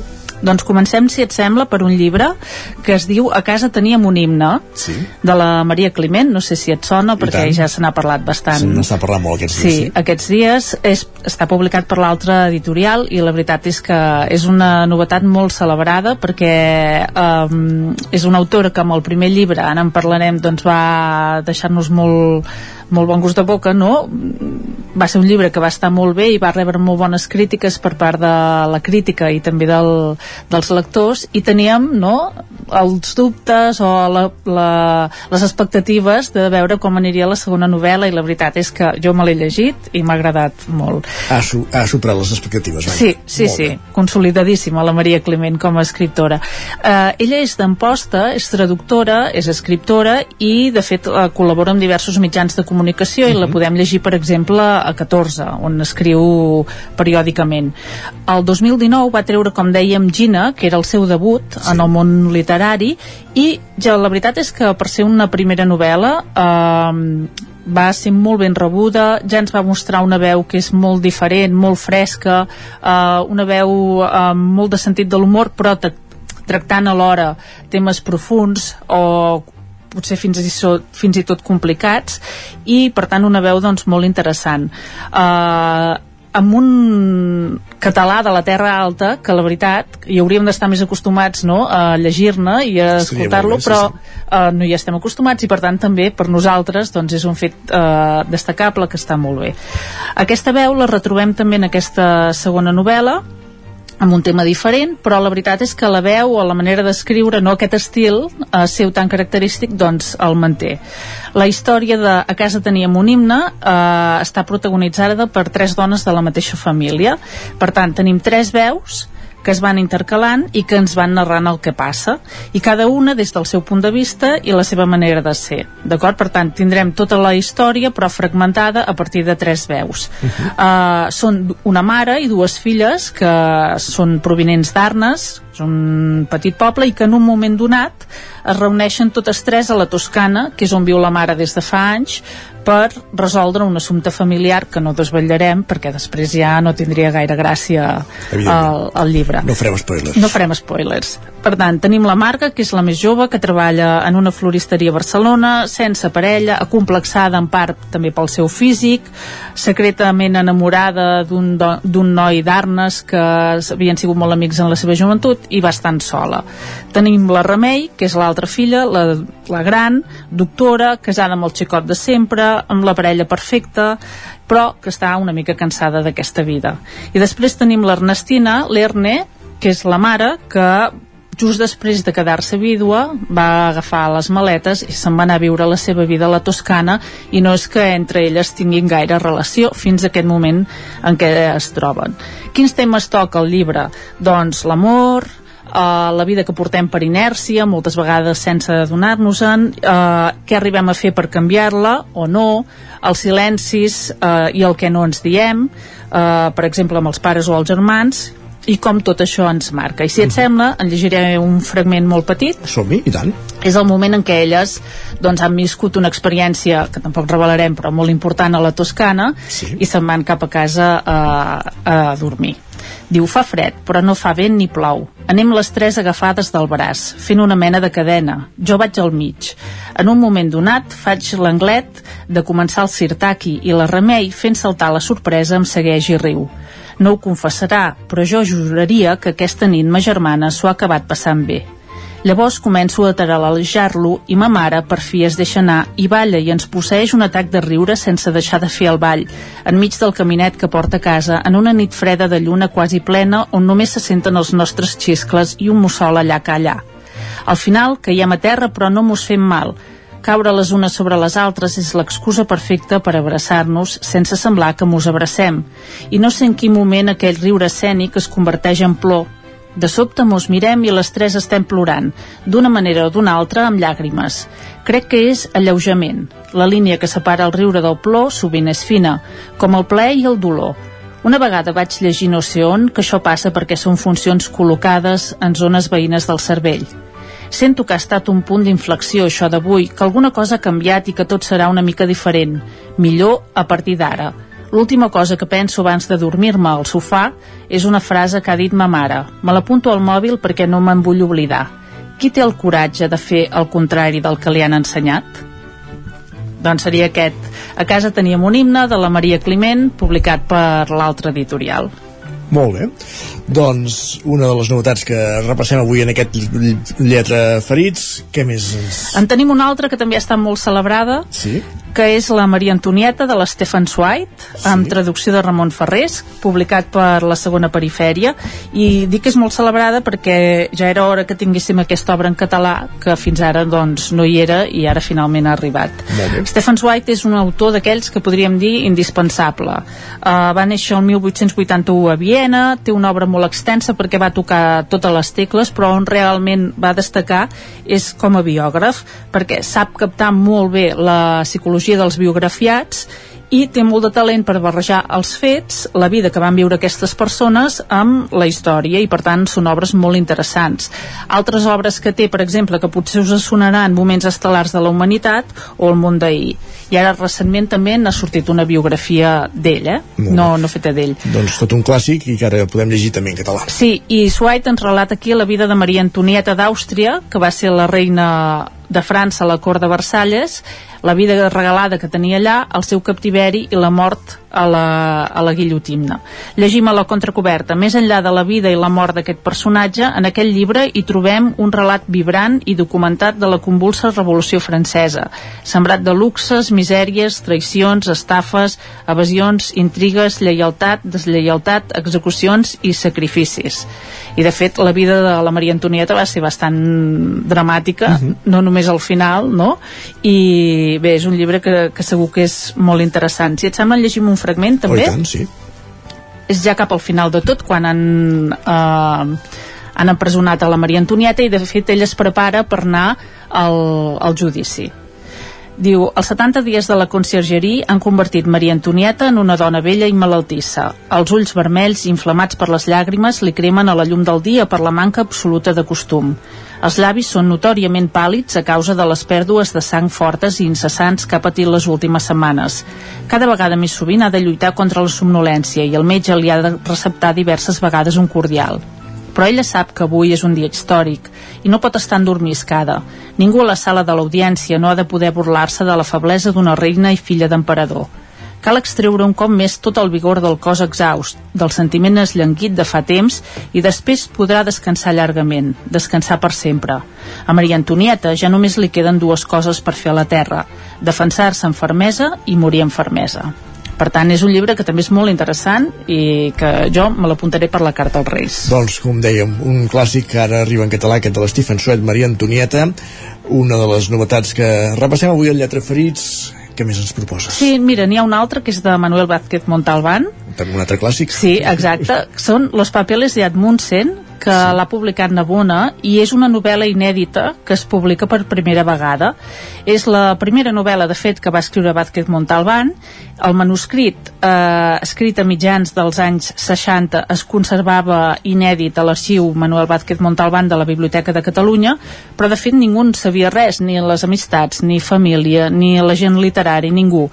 Uh, abans de que es donessin els papers a la biblioteca. Què va passar? Doncs que catalogar tots els papers que hi havia és una feinada, es va juntar amb la pandèmia i no va ser fins l'any passat, a finals de l'any passat, que es va poder recuperar aquest manuscrit que estava preparadíssim per ser, per ser uh, publicat, sí. Per què no s'ha publicat uh, fins ara? No? Doncs a la introducció del llibre que fa José Colmeiro, que és qui s'ha encarregat doncs, de l'edició, uh, hi podem llegir algunes hipòtesis. Per exemple, sembla que sé que la va presentar aquesta novel·la al Premi uh, Biblioteca Breve de Seix Barral i no va guanyar, potser es va desanimar, no?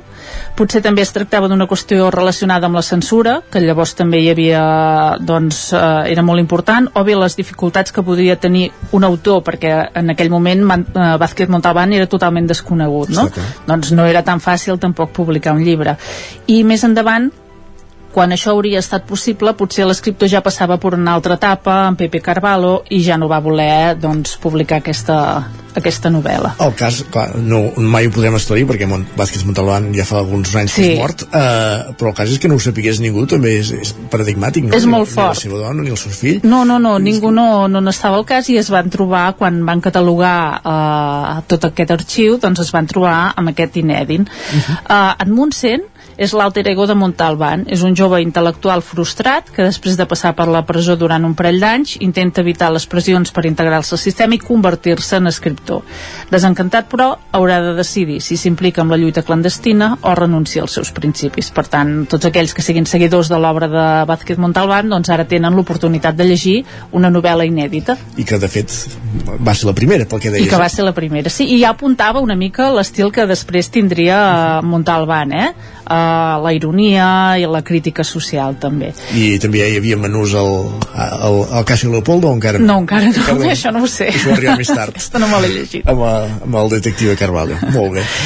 Tenim temps per un altre? Tenim un minut i mig, sí. Vale, doncs, molt ràpidament, la Domnitza de Snagov, la Domnitza de Snagov, de Panait Istràtic, que és un autor romanès, sí. que ha publicat Cal Carrer, amb traducció d'Anna Casasses.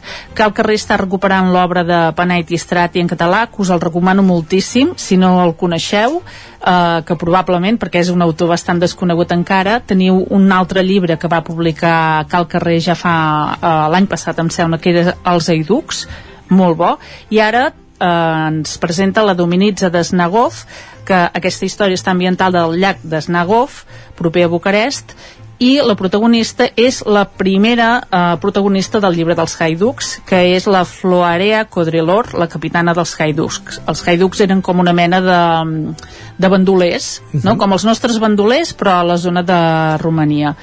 Uh, Novament, com en aquella novel·la, l'escriptor romanès planteja una història en què es proclama doncs, la defensa de la llibertat, dels valors col·lectius davant l'individualisme i la denúncia de l'ambició i l'abús de poder inherent a la condició humana. Doncs déu nhi quatre novetats literàries, eh, la de la Maria Climent, la de l'Stephen Swite, la de Manuel Vázquez Montalbán i la d'aquest últim autor no he tingut... Penait i Strati. No he tingut temps Difícil aquest. Gràcies, Marta. Avui repassats el lletra ferits amb la Marta Simón, de Muntanya de Llibres. Moltíssimes gràcies, Marta, i fins la propera. Fins la propera.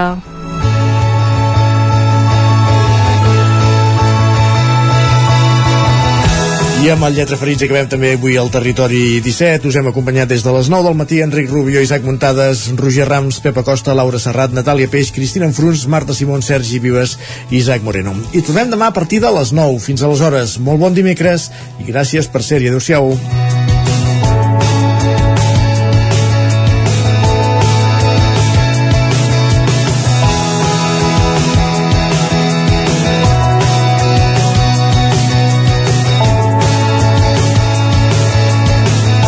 Territori 17, un magazín del nou FM, Ona Codinenca, Ràdio Cardedeu, Ràdio Vic i La Veu de Sant Joan, amb el suport de la xarxa.